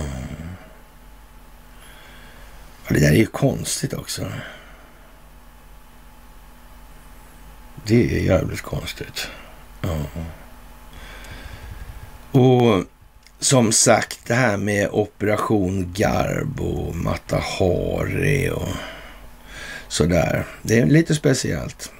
Första världskriget eh, som skulle bli en enorm slakt av Europas ungdom inleddes den 28 juli 14 då Österrike och Ungern förklarade krig mot Serbien. Ja, och genom det här manifesterades förstås ett antal delmål för ett decennier senare kommande NVO då efter Bretton Woods där Washingtonförhandlingarna. Bland annat infiltrerad dominans av Ryssland då, eller den Sovjetryssland då, och skuldsättning genom Feds krigsobligationer för att bara nämna några stycken. Ja, vi, vi ska väl då kanske inte heller glömma bort då, eller förbise Nationernas förbund, NF, som bildades på amerikanskt, amerikanskt initiativ 1920. Och, och, då kan man säga så där, då hade ju Krupp då börjat tillverka eller rättare sagt, eller Bofors hade börjat licenstillverka kanoner åt Krupp ett år tidigare. Då. Och, och, det kanske beskriver någonting i alla fall, jag har ingen aning, men jag gissar det i alla fall. Och Nationernas förbunds främsta uppgift var naturligtvis uttryckt som det som ingen kan förneka, att bevara eh, freden och, och öka förståelsen mellan världens folk alltså. Det är jätteviktigt då alltså. Ja, och inte, inte en bokstav sann, alltså. det är med det egentliga syftet alltså. Ja, från grundarnas sida. Organisationen arbetar också som, en av, som av en händelse med ekonomiska och sociala frågor. Ja, det är ju inte klokt alltså, faktiskt. Konstigt. Men ingenting handlade alltså om informationshantering och ekonomi på den tiden, utan allt handlar bara om kinetisk militär verksamhet. Jo då, eller hur? Ja, och, och kanske pyttelite och, och mycket vagt då i så fall, någon järnväg hit och dit kanske, eller förresten kanske lite, ja, så här, telekom kan ju ha haft en betydelse, den kom ju där och, och så, rent utav alltså, ens. Ja, serbiska nationalister hur som helst hade i alla fall turligt eller oturligt då nog då. Ja, ja, hur som helst då, ja, en månad tidigare i maj då mördat den österrikiske tronföljaren Frans, alltså Ferdinand, och, och dennes maka på öppen gata i Sarajevo i Bosnien, alltså Ryssland som faktiskt obegripligt nog, alltså redan då insåg både vidden av strategiska förträngningars betydelse, alltså ja, trist Göteborgshumor var tvungen att lägga till där för att inte Conny skulle ringa direkt. Ja, och en eh, befolkningsmässig kulturgemenskap stödde naturligtvis Serbien här, det som vi ser ta sig uttryck idag igen. Det går liksom runt det här på något vis. Nu är vi tillbaka här innan alla de här och, det är samma parter bakom och, har försökt ställa till det hela tiden också. Det är ju lite anmärkningsvärt kanske, kan man tycka. Alltså.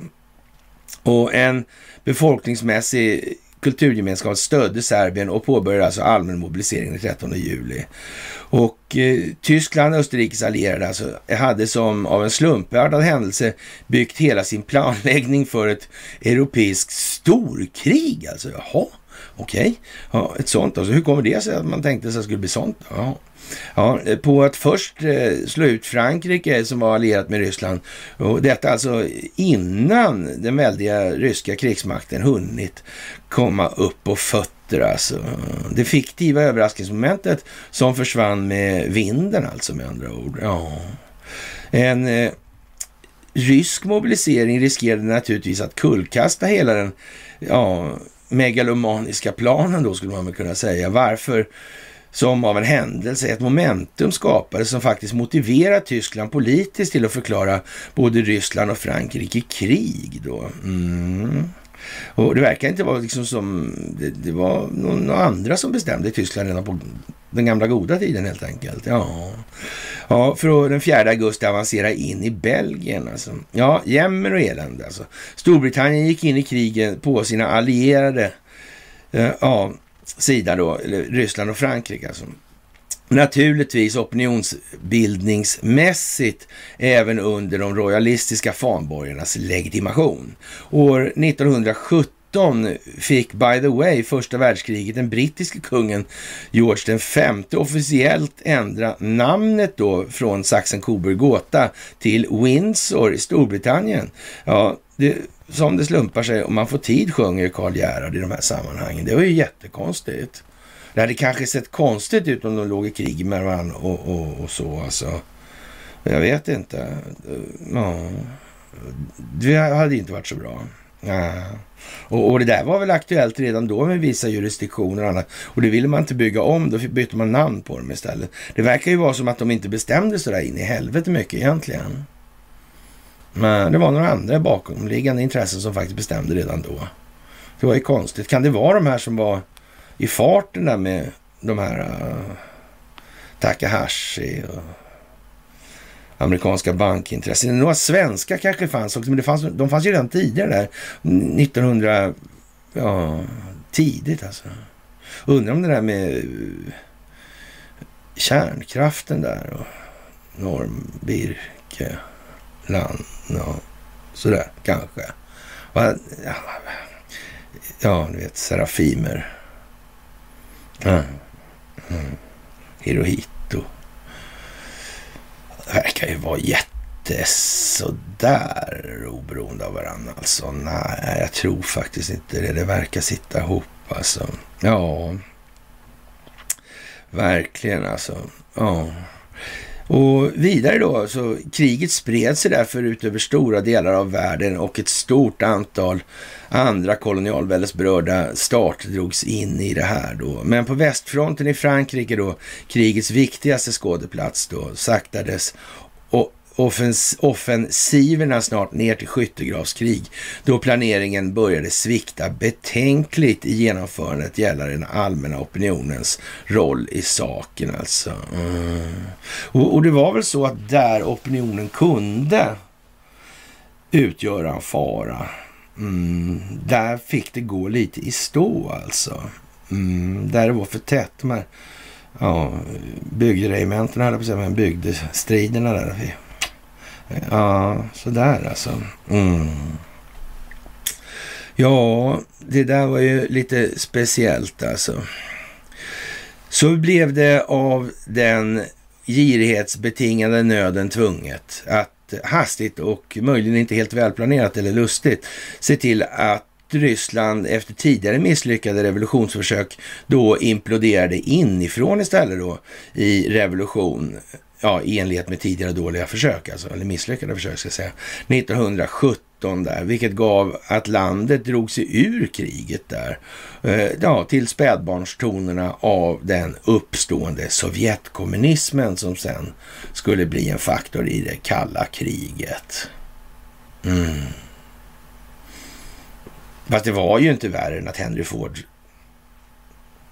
backade upp industrialiseringen inte till någon ringa del. Precis, nej. Mm. Och svenska geologer. Järnvägsbyggen. Mm. Fel, olika spårvidder för inte det här skulle bli något jävla transportmecka. Jaha. Eh.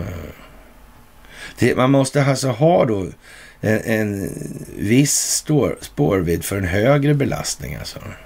Men då borde väl rimligtvis den högre belastningen också hålla för den lägre belastningen. Så då kanske man inte behövde två spårvidder ändå då?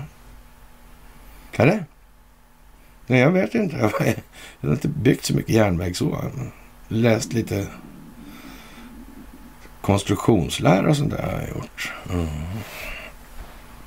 Ja, ja, ja, ja, ja. Jaha, och, och, och det var ju lite så här udda kanske. Mm. Det, det är lite tråkig historia alltså då, ja, I det här läget så kunde alltså inte Tyskland tillåtas avgöra i väst då, så diverse sjunkna fartyg då och sådana där grejer då, små falskflaggor alltså, gav USA det opinionsbildningsmässiga eh, momentet, alltså att träda in i kriget då på Storbritannien och Frankrikes sida. För, för då hade ju de i princip vunnit det här kriget utan avlossat enda skott mer eller mindre. Ja, vilket placerade då Tyskland i ett alltför stort underläge istället och tyskarna kapitulerade på hösten 18 med freden i Versailles.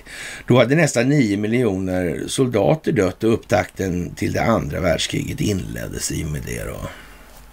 Det verkar ju liksom inte, ja, man skulle nog nästan, det är underdrift att säga att det är superplanerat va? Mm. Det är svårt att missa faktiskt. Konstigt som fan det där. Och så en bild på Greta Garbo som Mata Hari då. Ja, varför valde jag den tror jag? Ja, men på tal om den här Mata Harin då, då så, så, finns det en lång story så här och, och, den är ju liksom lite speciell alltså. Det får man ha fan säga. Och hon eh, blev ju avrättad. Hon hamnar liksom i ett spionträsk på något vis alltså. Ja. Och i efterbörden av det här då, då in, vad innehöll det där för någonting? Mm.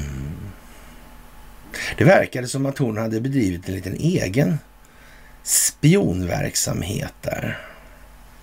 Utanför ramen på den stora spionverksamheten. Den som byggde på den eller de gamla Ostindiska kompaniernas verksamhet. Mm. Ja, det kan ju vara så alltså. Det kan ju vara så. Mm. Och risken att hon, hon verkar ändå rätt smart sådär på det viset. Alltså, nu står det i artikeln här i Svenska Dagbladet från 2011 eh, om det här att hon var naiv alltså. Eller också var hon ju inte det. Nej.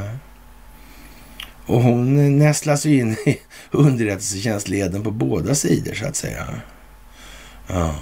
Alltså det, det, är inte utan att man får intrycket av att det måste i alla fall kunnat uppfattats som att hon utgjorde ett hot mot den rådande ordningen alltså. De som verkligen bestämde i det här.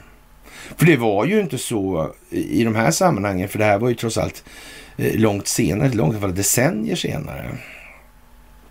Mm, ja, inte, inte många, men ett i alla fall. Sådär, lite till. Uh. Det, det, det, hon borde kunna räknat ut att det här fanns någonting mer i det här. Mm. Och risken att det skulle få spridningseffekter det måste vara oerhört påtaglig. Uh. Så egentligen så döljer ju det här någonting annat. Alltså någon som kanske kunde ha, eller möjligen gjorde en upptäckt. Mm. Det är ju det. Konstigt. Och var inte Garbo kompis med Kryger? Mm. Ja, ja. Som sagt. Och en rå novembermorgon 1917 alltså, gav Matta, det är alltså samma år som ryska revolutionen alltså, gav Matta Hari sin sista föreställning med tolv soldater som publik alltså. Mm. Hennes franska bödlar utstrålar förakt, kanske rent av hat, för den grästrimmade 40, gråstrimmade 41-åringen som syntes genom gevärssikten alltså. Ja, det är ju liksom lite... Mm. Tom, tom, tom, tom. Mm. Och det verkar ju konstigt. Elva där. Svenska Dagbladet. Jag vet inte. Och, och det får man väl säga är... Mm, det här är ju lite speciellt alltså. Milt uttryckt nu i det här läget. Vi har ju vår staff där. Fanns det inte någon staff i den här svängen också den här tiden? Någon annan? Karl Staff kanske? Till exempel. Mm. Det gjorde väl det. Ja, det kan ju vara lustiga omständigheter alltså alltihopa det här. Och för i övrigt finns det ju rätt liksom mycket av de här personhistorierna, kopplingarna, som på något vis går igen alltså hela tiden. Mm. Så varför inte? En Timotej-donna liksom. Ser ut som en... Ska springa på en blomsteräng liksom. Med blomsterkrans i håret alltså. Ja, ja, ja, ja. Och, och sen ska hon då se till att hela den korrumperade polisledningen och ända ner till ja, hur långt det nu är. Ja. Exponeras, skapar optik, allmän förståelse, folkbildning. Ja, ja. ja. Ja, ja. Vi får väl se hur det är. Det lär ju visa sig om man säger. Ja, hon bestämde sig i alla fall för att bli dansös då i de finare salongerna och det blev ju rätt duktig på det där då. Och, och som sagt, hennes man, eller före detta man då, som, ja, det där var väl Eh, lite eljest tyckte han då, så det blev, lite, det blev en familjetragedi av det här naturligtvis och därför valde hon att bli den här dansösen. Så ska vi säga snarare. Och eh, diverse turer och hon hamnade då i tunna tuniker och, och eh, inspirerad av motik från antika vaser och såna här grejer och så utförde hon de här danserna och var väldigt förförisk då. Och, det kan man väl tänka sig var på den tiden. Alltså, sen vet ju inte historien skrivs ju av den som författare men kontroller, skrivandet kontrolleras av den som äger pennan då. Så, så därför är det ju givet att de här vinnarna då, så att säga, det är marionetter. Alltså de skriver ingenting. Alltså. De har inga pennor. Det spelar fan ingen roll vad, liksom, vad, vad en statsminister säger. Kommer inte han ut med det någonstans, ja då är det som det är liksom. Med vilken jävla rätt liksom skulle han göra det? Men det går ju inte. Om allt handlar i det moderna kriget om informationshantering och, och sen har inte statsministern några muskler för att hantera några, eh, någon masskommunikation, ja men då är det ju som det är. Men då får väl han sitta och vara statsminister bäst fan han vill liksom. Det är ju den som sitter på gallarhornet som bestämmer. Punkt jävla slut alltså. Så. Och, och det börjar ju, i alla fall alla som tittar på det här, och, och bli pinsamt medvetna om varje gång man ser någon som inte eh, förstår det riktigt. Ja, och det här dansandet då, det blev en rungande succé. Alla ville ha henne på sina tillställningar och det var inte gratis att anlita henne precis. Nej. Och, och då skapades det här artistnamnet Matahari då. Och, och, det är en malaysisk beteckning för solen alltså. Mm. ja, med det namnet föddes också en osannolik historia ursäkta, om att hon faktiskt var från Indien alltså. Ja. Och så var det massa eh, sådana här grejer och osanningarna ökade hennes magnetiska dragningskraft. Och, och hon började leva gott och, och, skaffa flott våning och till slut fick hon ett slott att bo i också. Så, där. så det var ju liksom speciellt värre det där. Och sen så började hon kurtisera då en, ja, hela diplomatkåren då från alla sidor då i princip. Mm. Och hamnar väl då i det här. Mm. Och en sån där löshäst, det går fan inte att ha alltså.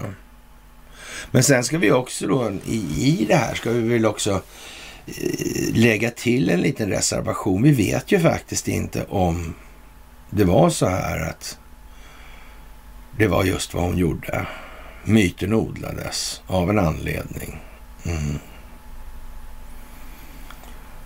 För det var inte så att de Ostindiska kompaniernas eh, interna organisation och struktur, så att säga, eller den djupa staten då, eh, var uppfunnen just för tillfället bara. Den hade ju funnits en bra stund alltså. Mm. Så det kan ju vara så att hon faktiskt var medveten om vad hon gjorde i det här. Mm. Det, men det vet inte vi och det har vi liksom inga tillgång till information om heller. Så det, vi kan väl hoppas att någon har det om det är så. Och annars får vi väl leda oss själva fram i resonemangsvis då, som vi alltid annars gör, men oftast annars gör i alla fall. Mm. Som sagt, och det här är ju ja, det är ledaren för franska underrättelsetjänster och så vidare. Så som, det är klart att hon är liksom, liksom rätt så högt upp också. Det är fan bra jobbat alltså. Lite hobbypenuppa liksom och slår igenom hela underrättelsetjänstkollektivet. Alltså, det är ju några sådana här grejer som haltar en smula alltså. Så är det ju. Och, och sett ur ljuset av första världskriget och den djupa rå, statens roll i det här. Den här tillställningen och regim bakom det här. Alltså någon måste ju ha börjat göra någonting. Så. På tal om när man börjar motverka det här alltså.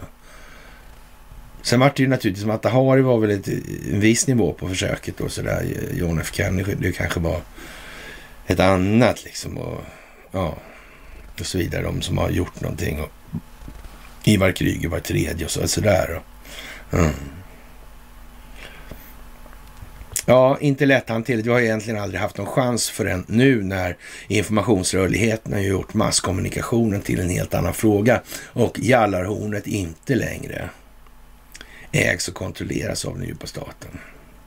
Det är liksom hela poängen med dagens lilla tillställning. Och ja, vi får väl hoppas att ni sätter er in lite grann i det Matahari, för det är inte bara en sorglig historia och, och sedeläranden är ju faktiskt eh, ja, rätt så vacker i den meningen att det har ju funnits människor som faktiskt har försökt. Så är det ju. Och, och, att hon är olycklig och naiv och så här, det känns ju liksom som att, ja, vad ska vi säga, det här genomslaget och de här grejerna som hon fick, det, det var ju otroligt bra för varenda en av de här loverboysen som hakar på där och så. Mm. De var naturligtvis jätteglada åt konkurrens. Prishöjningen liksom. Ja prisbildningsmekanism på Donnans umgänge liksom. Eller för att få en... Äh, nej. Ja. Och hur är det här egentligen då? Vi hoppar lite tillbaka till modern tid och sådär. Och, och, eller ganska modern tid. Vi kommer ihåg den Chuck Schumer. Han, senatorn där. Mm. Six days from Sunday. Ah. Ja, så går man emot underrättelsetjänstkollektiv så har man six days from Sunday. Sen har de tagit hand om den. Ja. Men nu då om Elon Musk sitter och talar om liksom att halva personalen på Twitter kommer ju för fan från underrättelsetjänsterna, inte, men typ sådär. Mm. Varför fan lever han för? Vad lever han för? Har den djupa staten några vassa tänder kvar? Eller en tandlös gammal kärring? Mm. Men skenet måste hållas uppe för det här spelet måste fortgå för allt det här handlar om folkbildning. För utan en tillräckligt medvetet, medveten befolkning, ja, då är det inte värt någonting med förändringarna. Vi kommer trilla tillbaka i samma hjulspår på en gång. Teatern är det viktiga. Teatern är det avgörande. Mm. Annars hade man kunnat köra Gitmo-lösningen. Men man kan säga så här, jag vill inte vara taskig så. Men om man så att säga har den här idén med Gitmo. Mm, då har man ju samtidigt givit ett uttryck för sig själv. För sin självbild för sin självkänsla. Och det är inte den dispositionen som kommer leda samhället till en långsiktigt hållbar utveckling. Tro mig. Det är helt jävla säkert. Det är så lagt i sten som något kan bli helt enkelt. Ja, som sagt ja, han kanske är en del av etablissemanget. Kanske eh, därför att Julian Assange, Wikileaks och David Icke, eller icke, eh, Garland Nixon och Infowars och tus, tiotusentals andra fortfarande inte får vara med på Twitter. Ja. Ja. Det är ingen som tror att, eh, om vi säger så här då, att Matta Hari nu då, Och en odlad historia. Mm. Vi kan aldrig, vi kan inte utesluta att det var så i alla fall, helt säkert. Och legenden, historien bakom och mm. den här mannen som var ett svin och så vidare. Jo, jo, men kunde hon vara Maharaya, dotter från Indien och så vidare, och då, ja, då kunde det nog vara en del annat också skulle man kunna säga. Myten, legenden, ja precis. Sägen. Mm. Tro. Mm. Mask då? Hur var det där? Någon måste ju ha hjälpt dem på traven. Konstigt det där med Tesla Eriksson. Nikolas Tesla Eriksson. Ja. Det är ingen, eh, vad heter det, upphovsrättslig tvist. Nej. He. Nej, nej. Annars skulle man ju kunna tro då liksom att ja, det skulle kunna. Men och sen Nasdaq dessutom. Ja. Så pass alltså. Vad sa du till Nasdaqet? Brexit? Jaha, okej, okay, Brexit var det. Det var inte tidigare. Nej, nej, då vet vi. Då vet vi. Då vet vi. Ja. Ja, ja. Ja, ja. Det är kanske är därför man körde den här lite. Man, ja, eh, jag vet inte vad Cash Patel där. Varför publicerar han inte det här? Kan det vara för att vi måste få tid till folkbildning för att vi ska nå de eftersökta effekterna i det här? Kan det vara det? Är det omöjligt eller, eh, eller är det kanske så? Jag vet inte. Nej. Det är ju konstigt alltså. Stödet för Trump kollapsar nämligen här nu, får vi veta från Expressen. Alltså, han skulle inte ens nomineras alltså. Nej, faktiskt, det är jättehemskt alltså. Och, och eh, vi undrade åt en vän här eh, om det där med och påverka landets förhållande till främmande makt kommer att spela en roll i saken. Vi, vi, är lite osäkra på det nämligen nu. Och, och Expressen vet ju uppenbarligen hur man ska göra för att visa sig vara en strategisk partner till CNN som inte Eh, om man då som för Expressens vidkommande skriver sånt här så, som gör att man får en negativ inställning till till exempel Donald Trump då. Och det kanske inte gör så mycket i dagens läge, nej. Men, men om det skulle visa sig att det på något vis är så att Donald Trump kanske återkommer i den här sammanhangen och, och man har hållit på på det här viset. Då blir det ju kanske något lite problematiskt istället. Då har man ju uppenbarligen försämrade och det skulle vara ännu värre om Donald Trump lyckades ena då den amerikanska befolkningen. Och, och den svenska befolkningen är fullmatad med sket, alltså, eller fullsketen ska man säga nästan. Ja, med vilseledande uppgifter om vad som har försiggått i Amerikas förenta stater de senaste, ja, hur länge som helst noga räknat. Ja. Mm, ja, men då kan man väl säga att de har eh, på något vis försämrat relationen till främmande makt. Lite grann som i Ryssland skulle man kunna säga också. Mm. Just det. Och tänk om de samarbetar. Det blir ingenting blir bättre av det här alltså i så fall. Men då har vi tur, alltså då har vi en lagstiftning som reglerar vad, vad som ska ske med sådana människor som bedriver verksamhet som leder till sådana saker. Det är ju bra i alla fall. Ja, eh, hur man ska visa sig vara strategisk partner till CNN alltså. Och, och, nu är det alltså tragikomiskt alltså. När stödet för Donald Trump inför presidentvalet 24 ser ut att kollapsa enligt Expressen. I en ny mätning leder sittande president eh, Joe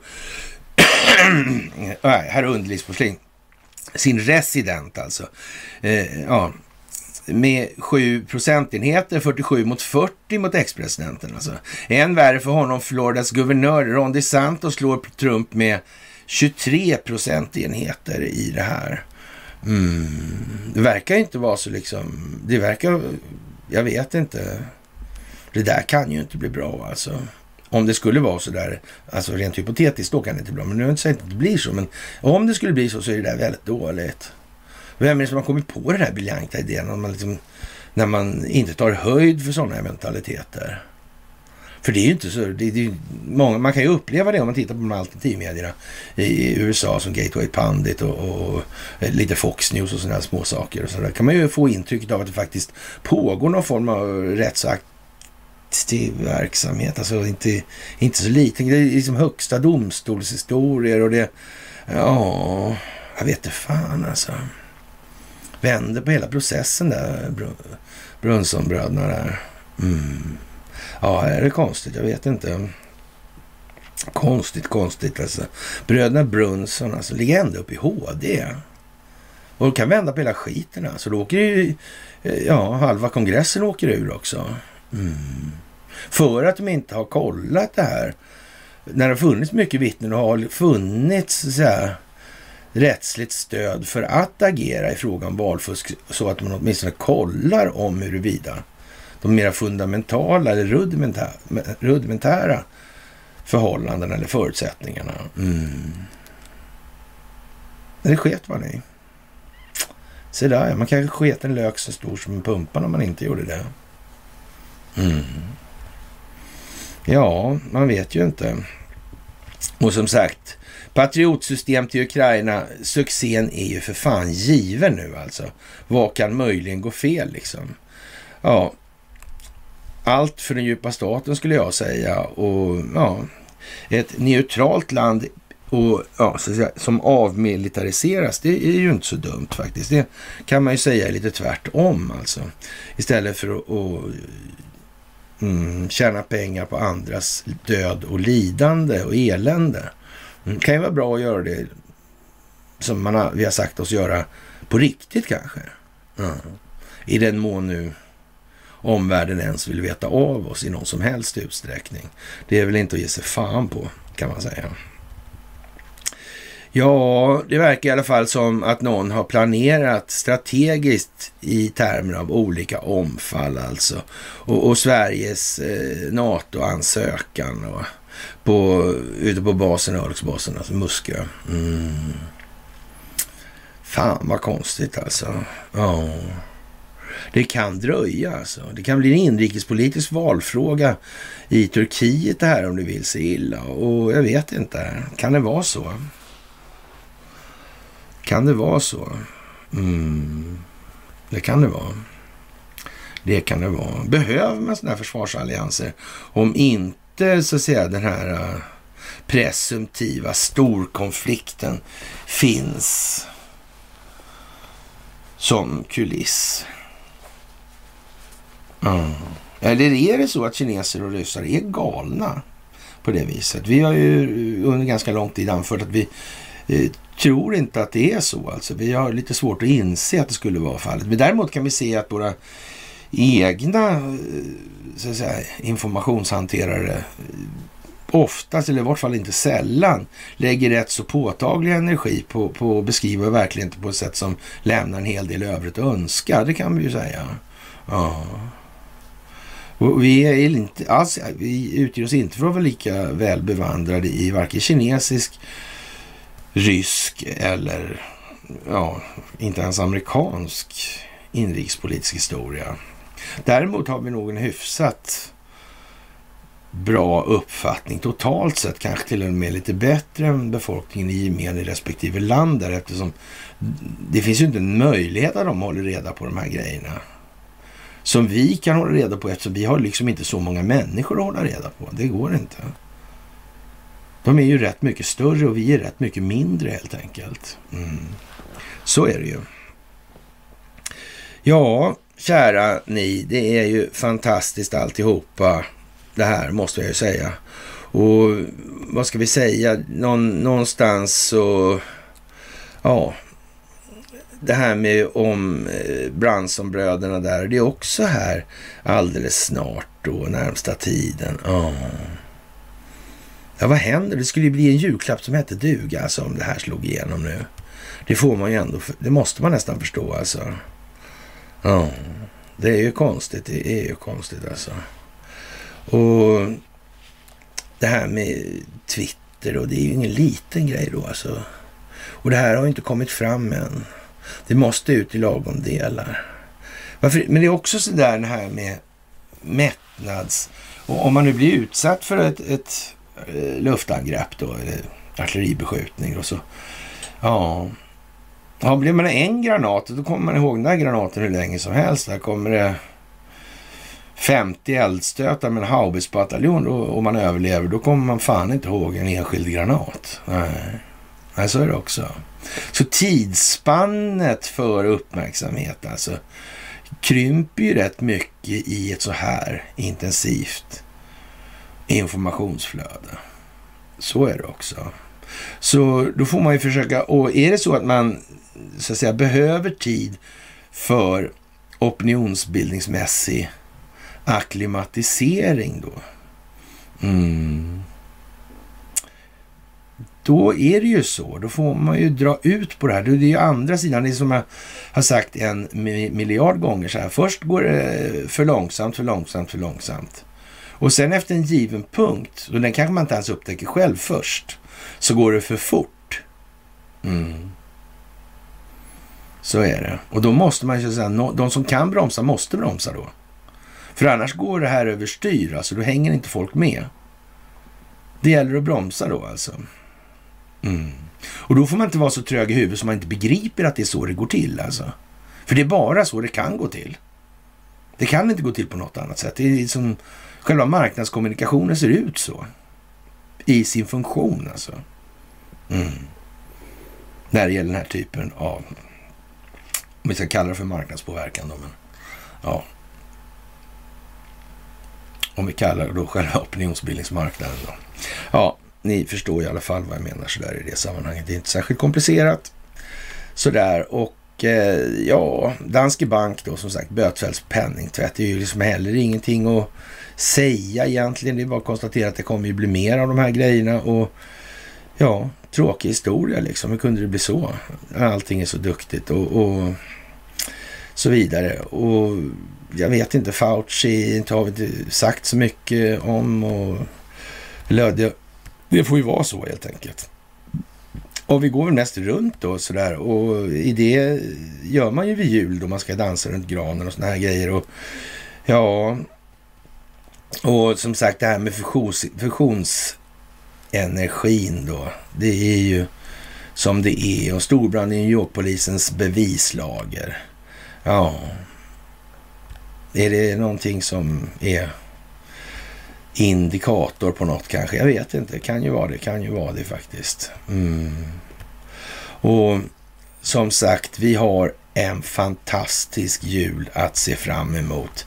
Och då menar jag i den meningen att det är fantastiskt att det här sker. Och sen om vi får frysa lite, vara hungriga lite eller vad det än är så är det någonting vi kommer minnas med glädje att vi gjorde efteråt. För det här som kommer, det här folkbildningsprojektet måste fortgå. Och vi måste vänta för att den allmänna medvetna medvetenheten ska uppnå en tillräcklig kritisk massa. Mm, så är det. Och det kommer vi aldrig komma undan. Annars är allting meningslöst. Och jag kan faktiskt lova er att de krafter som motverkar den djupa staten, de förstår det där. Det är så. Det är så det är.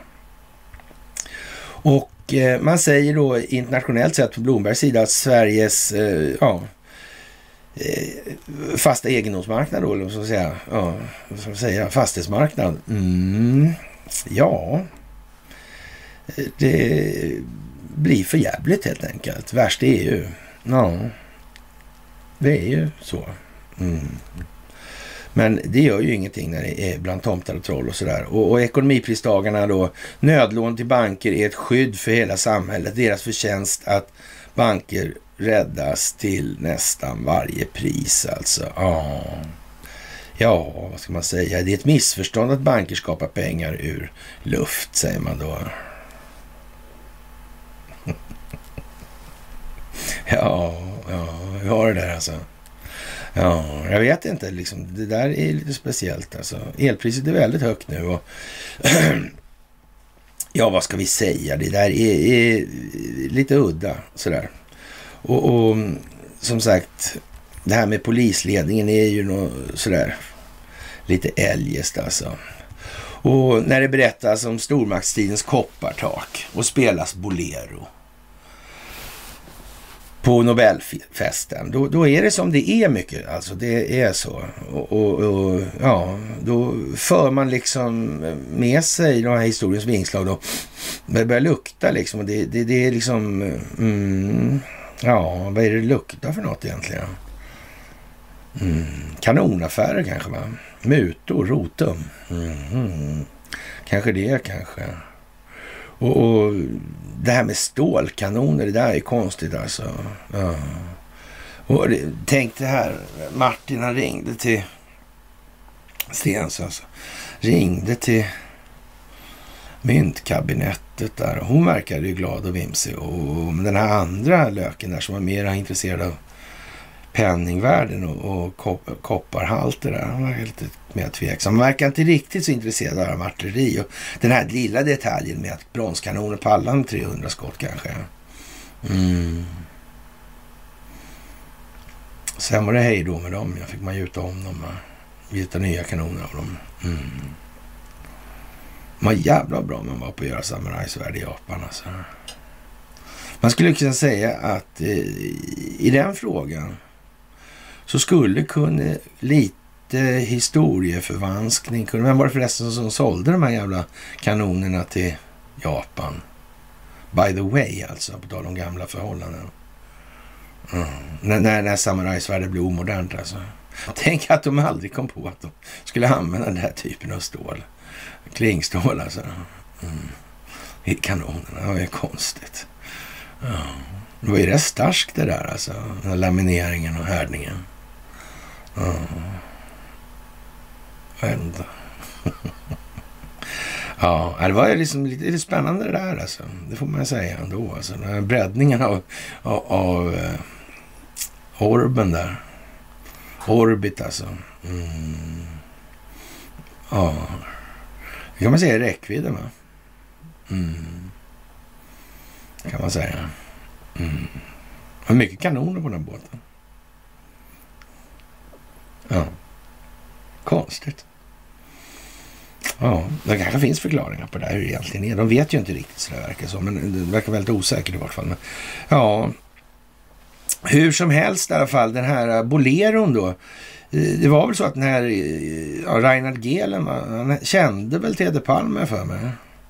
Och, och det här med stålkanoner, det var ju Krupp som kom med det 1850-talet där någonstans. Mm. Sådär. Och ändå sprang Krupp till Sverige och gnällde direkt där 19. Mm, jag tog upp tidigare det här myset alltså. Mm. Han sprang dit och gnällde om det här alltså. Ja, och ville att de skulle, Sverige skulle tillverka. Och sen var ju det där konstiga med Bosch-affären alltså.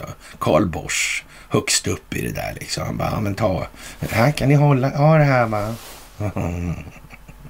Ja, och Krupp också. Ja. Och finansintressena bakom Hitler. Det var ju konstigt det där alltså. Faktiskt. Ja. Axelnation. Ja.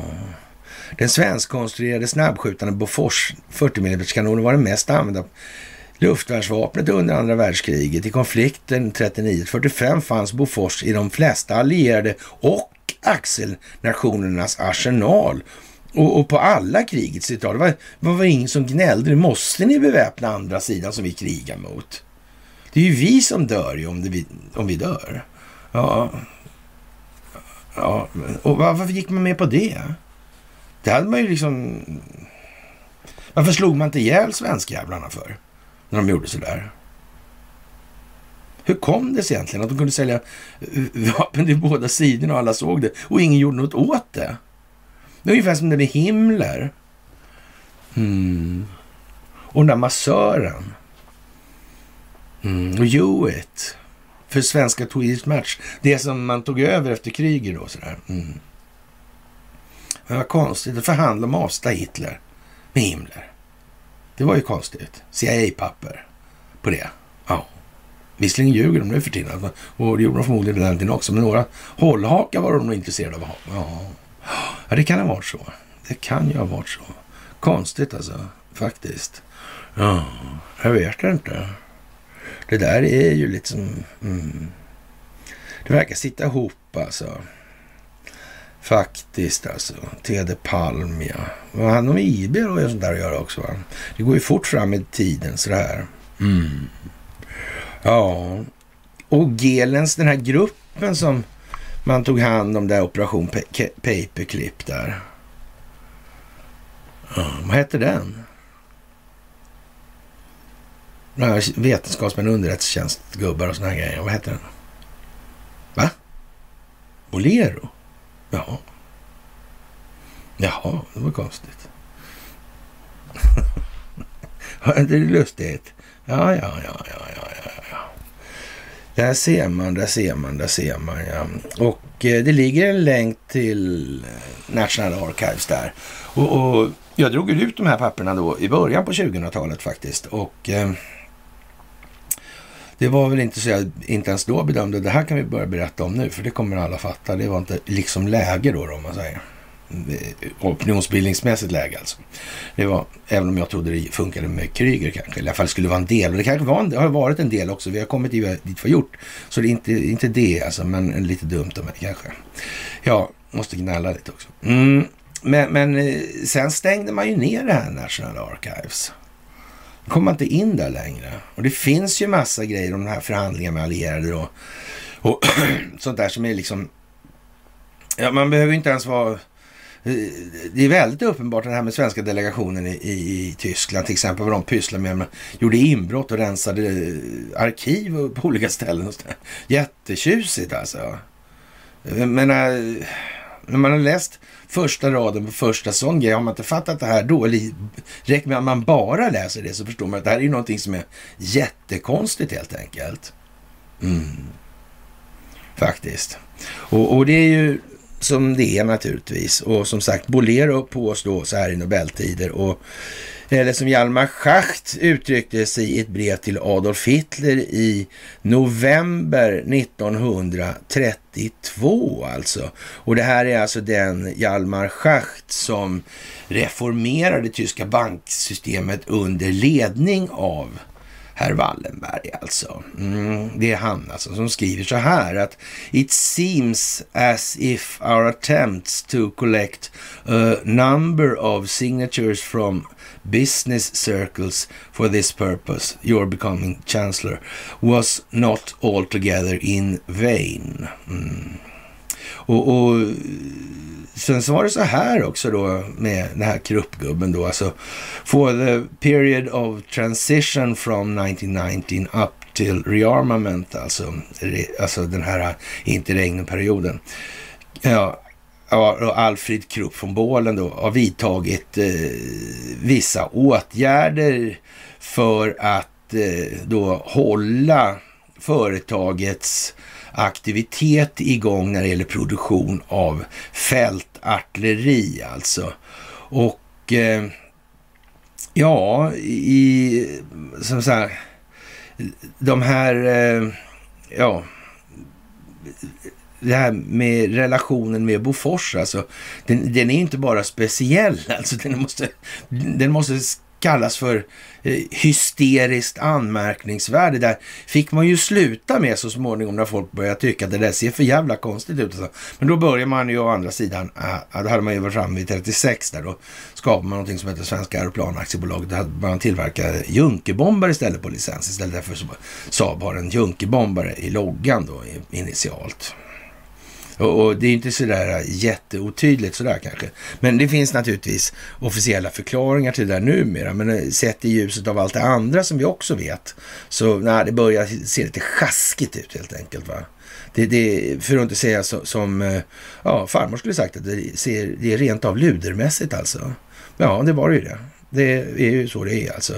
Och ja, det här är, är ja, det här var alltså, vad man ska säga, to a certain extent also beyond the limitation established by the peace dictate, alltså Versaillesfreden. Alltså, det, det är ja, det är en, en, en, en, speciell sorts prosa för att säga att det var liksom rakt åt helvete mot bestämmelserna alltså. Mm. Och det kan man ju tycka är lite anmärkningsvärt kanske. Och, och, men vad fan liksom, det är som det är nu. Och det ser ut som det gör alltså. Och jag vet inte, vi har ju fått upp det här på en nivå nu så det börjar likna någonting alltså. Så att vi börjar som andel av befolkningen få en överblick värd namnet. Och, och det gör ju att vi utvecklas ännu snabbare i det här. Men då får vi inte heller glömma nu att se till att vi inte tappar bakom. Vi får snart utse en kökar alltså.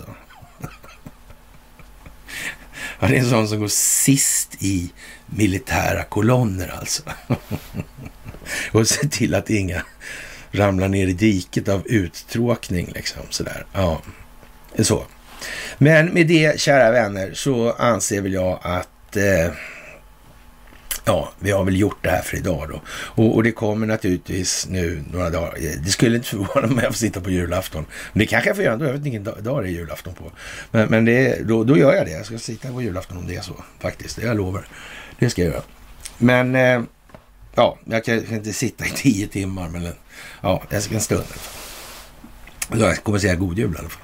Ja, med det kära vänner så ja, vi får väl hoppas att resten av veckan blir bra. Vi får hoppas att det blir en trevlig pig lördag så här i upptakten till julen. Julspurten va? Är det inte så? ja, som sagt, och det finns en lång historia från RT här om ex-nazis service in of Uncle Sam. Ja, How the US took control of Germany's main intelligence service. Och det här kommer i ryska medier nu alltså. Och Reinhard Gehlen är ju vad det är här i de här sammanhangen. Ja, han var alltså, jag kan avsluta med det då, han var alltså nazistisk. Eller nazist, han påstår jag efteråt att han inte var så mycket, men eh, ja, sådär. Mm, men han fick vara underrättelsetjänstchef ändå. Då. Ja, och, och sen kom han påpassligt på att han skulle ja, mikrofilma allting då, så tog han med sig det.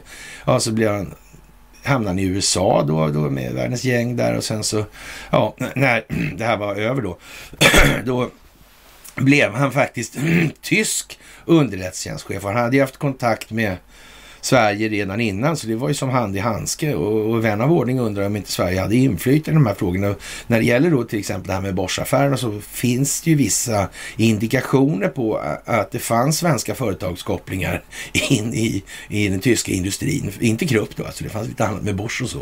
Sådär alltså, bara för att nämna något namn sådär alltså. Mm.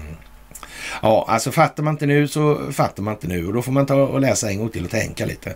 Men med det, kära vänner, så önskar jag er en trevlig kväll och så hörs vi i alla fall senast på fredag. Trevlig kväll.